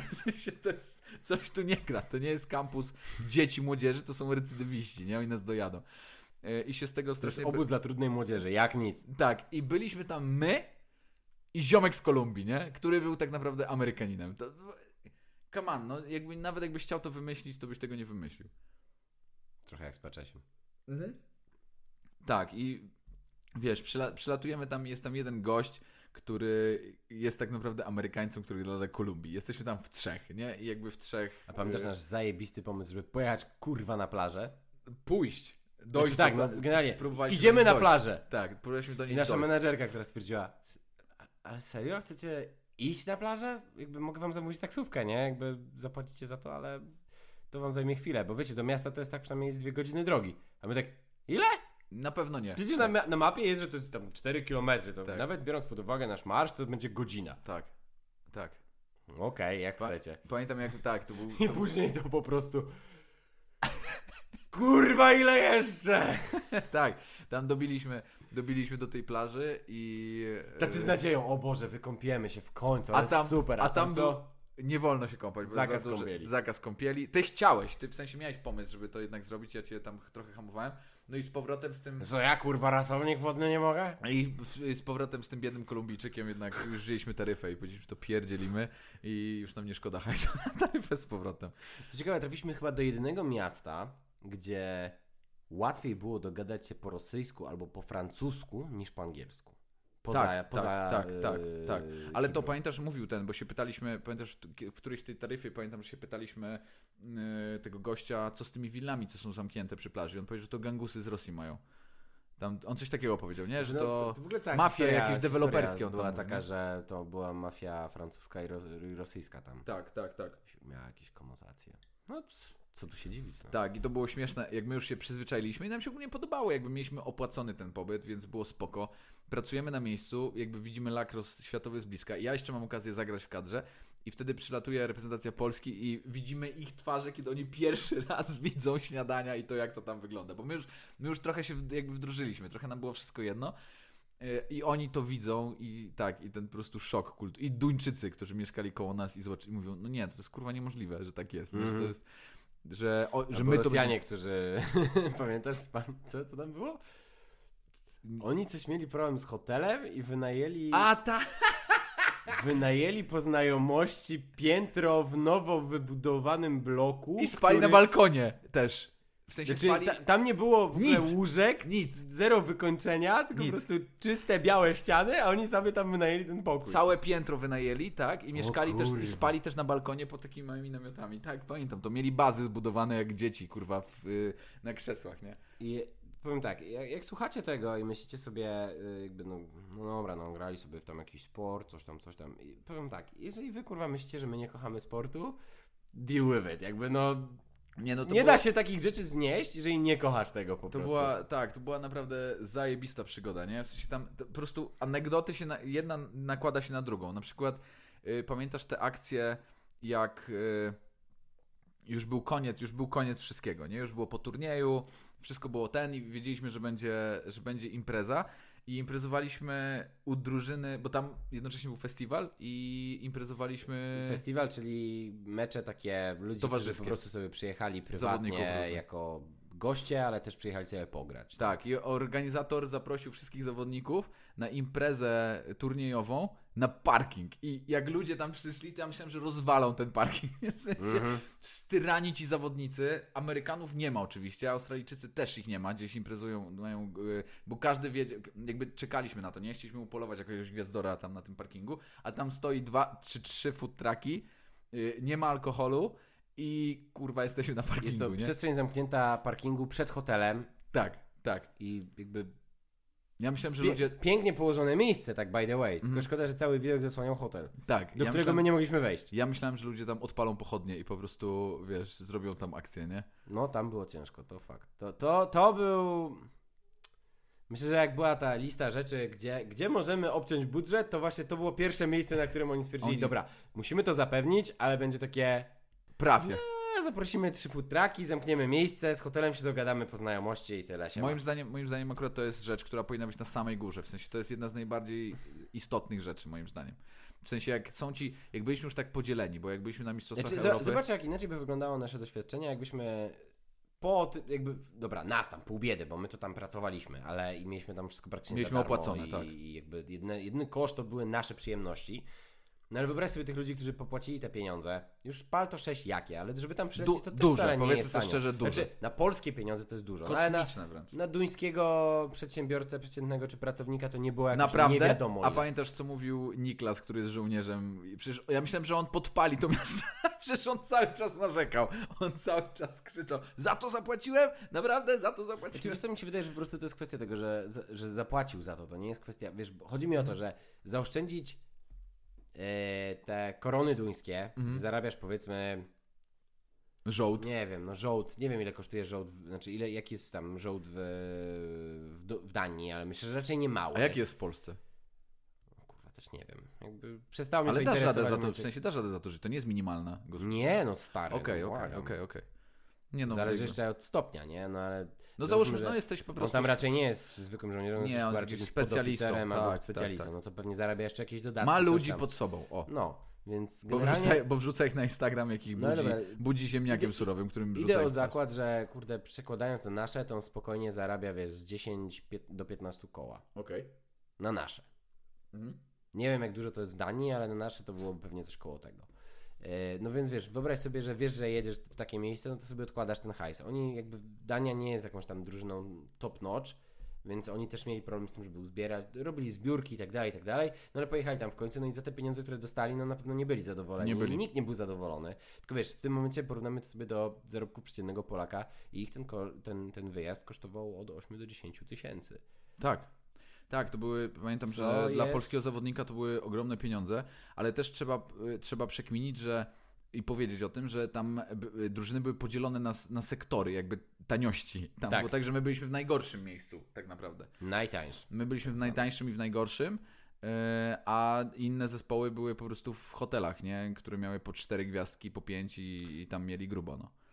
No ale to też fakt, że oni sobie, sobie sami to wykupili, po prostu mieli na to budżet związkowy, czy tam narodowy kadry, czy Podobno była taka akcja, to też ciekawostka, podobno była taka akcja, że Stany Zjednoczone, repra w sensie, Mhm. y, oni zanim przyjechali, to wysłali kontener protein, i w sensie różnych tam innych y, suplementów, który podobno ca- sam transport kosztował ich 20 20 tysięcy dolarów. A jak myślisz, dlaczego tyle kosztował? No bo zdobyli mistrzostwo, kurde, świata wtedy. Więc jak myślisz, co tam było? Tam były różne rzeczy na pewno. Tak, i śmieszne było, że nie... Stawiam kokainę. Nie, śmiesznie, było, śmiesznie, śmiesznie, że yy, właśnie nie można ich było w ogóle dostać, bo oni byli gdzieś poza w ogóle Netanią, siedzieli w jakimś kibucu i byli zamknięci po prostu. No, Znaczy, to na vlogach, była- na vlogach tych zawodników. Bardzo dobra też. strategia coachów, moim zdaniem, amerykańskich czy tam federacji, że jakby oddalili ich od wszystkiego i stwierdzili, chcemy zdobyć mistrzostwo, to jest wszystko. Żeby... Pamiętam, pamiętam, że było śmiesznie też, że oni mieli zakryte mm, boisko, na którym trenowali, taką folią i nie można było też nakręcić tego, co oni grają. No, to fakt. Pamiętam, że na Mistrzostwach Europy była taka akcja, wiesz, że nas podglądała Rosja? to jest niezwykłe. Tak się bali. Tak się bali, a dostali tak w y, oklep, ale była taka akcja, że trenujemy i stoi dwóch coachów rosyjskich przy siatce, nie? No i nasz coach poszedł do nich, Kyle, i mówi, że co wy tu robicie? A oni mówią, że szukamy menadżera i poszli. Wiesz, jak... Szukaliśmy menadżera hotelu, czy coś takiego, nie? Jakiś taki tekst rzucili. No, ale tak, Izrael to była dobra, dobra przygoda. Natomiast, no- przede wszystkim słoneczna. Było, było cieplutko, nie było pandemii, było milutko i naprawdę fajnie potem. A pamiętasz akcję z burgerem w tym? Jak żeśmy w jeden dzień, już po tym jedzeniu całym wstrętnym stwierdziliśmy, że dobra, w jeden dzień wydamy hajs na porządne Już jedzenie. przyjechaliśmy na plażę, co nas kosztowało 100 czy tam ileś zeta. Tak, i stwierdziliśmy, że Dobra, zjemy... chuj, wydamy te 7, 8 dych kurwa na No burger kosztował co? 8 dych, tak. To był najdroższy burger, jaki jadłem, jednocześnie dobry był. no, bo nie powiem, że był niedobry. Przynajmniej mi nikt frytek nie zjadł. Jak temu gościowi. Jak to typowi, tak. Are który you gonna eat that? You gonna eat that? I po prostu zawinął mu hajs. No, I no. zawinął mu frytki. No, bardzo Słuchaj, ten przyjemnie. no, Ja tam się nie dziwię, no jakby przyszedł do mnie taki wielkolud typu, nie wiem, Batisty czy The Rocka. Jasona Momoe albo Ro- Rock, The Rocka. Spompowany. Spompowany, spocony. i- Spompowany mieszkaniec Ja bym sobie rozmawiał Netanii. przez telefon cichutko i, i nagle widzę, że podchodzi do mnie taki gościu i pyta mnie, czy będę jadł te frytki, to bym powiedział, nie, nie, wiesz, tak. Najlepsze jest to, że ja totalnie wiedziałem, on powiedział to po hebrajsku, a ja A totalnie wiedziałem, co on, powie, co on, co on co powiedział. Wszyscy zrozumieli, którzy siedzieli, co on dokładnie powiedział. You're gonna eat that. I po prostu mu zawinął frytki i tyle, no. Taka była sytuacja. E, Myślę, że tym e, jakże przemiłym, słonecznym akcentem e, zakończymy dzisiejszy Oby więcej takich. sideline, tak, sideline talk. Ćwiczcie sporty, ćpaj sport i miej otwarty umysł, to się pojedziesz na wycieczkę. Albo nie. Albo nie, zależy. Ale tak, po, raczej, raczej pojedziesz. Sport zabiera w miejsca. Tak, zabiera w. mi- a ty śmiesznie przetłumaczyłeś, bo to jest lacrosse take you places. La, y, lacrosse zabierze cię, zabierze ci miejsce W autobusie. w autobusie.